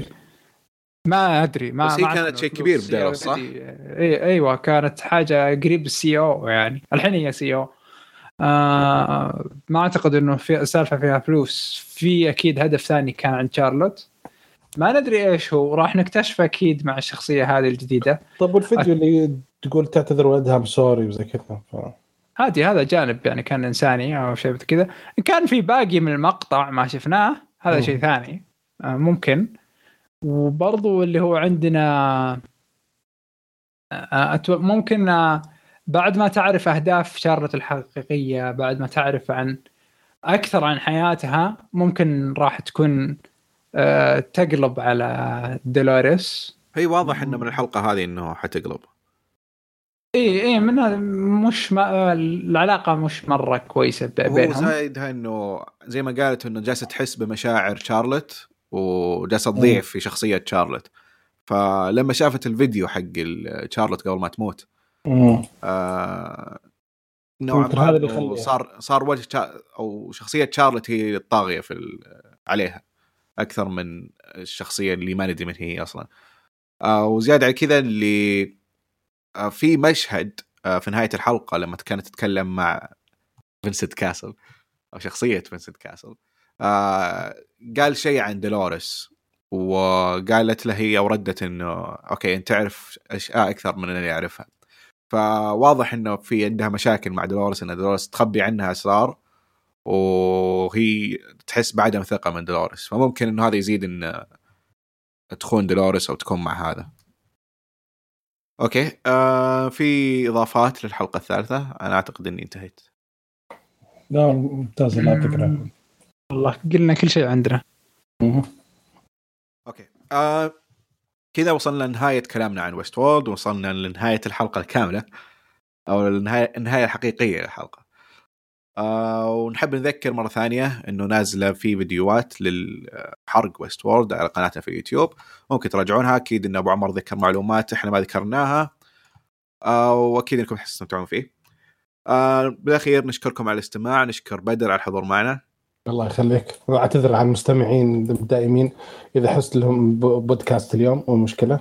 تحملوا بالعكس بالعكس والله نورت اليوم. الله يخليك. آه وبالنهايه نحب نقول لكم أو نذكركم آه تشتركون معنا في قنوات اليوتيوب. ساعدونا في التقييم في iTunes للبودكاست. تقييمكم يساعدنا ان ننتشر ونوصل لمستمعين أكثر. وتابعونا في حسابات في تويتر وإنستغرام. وشكرا لكم على الاستماع. أوه نسيت ال Patreon. آه إذا حابين تدعمونا في عندنا موقع ال Patreon للدعم ونشكر لكم أي دعم آه توجهونه لنا. آه وبكذا وصلنا لنهاية الحلقة. آه شكرا للاستماع نشوفكم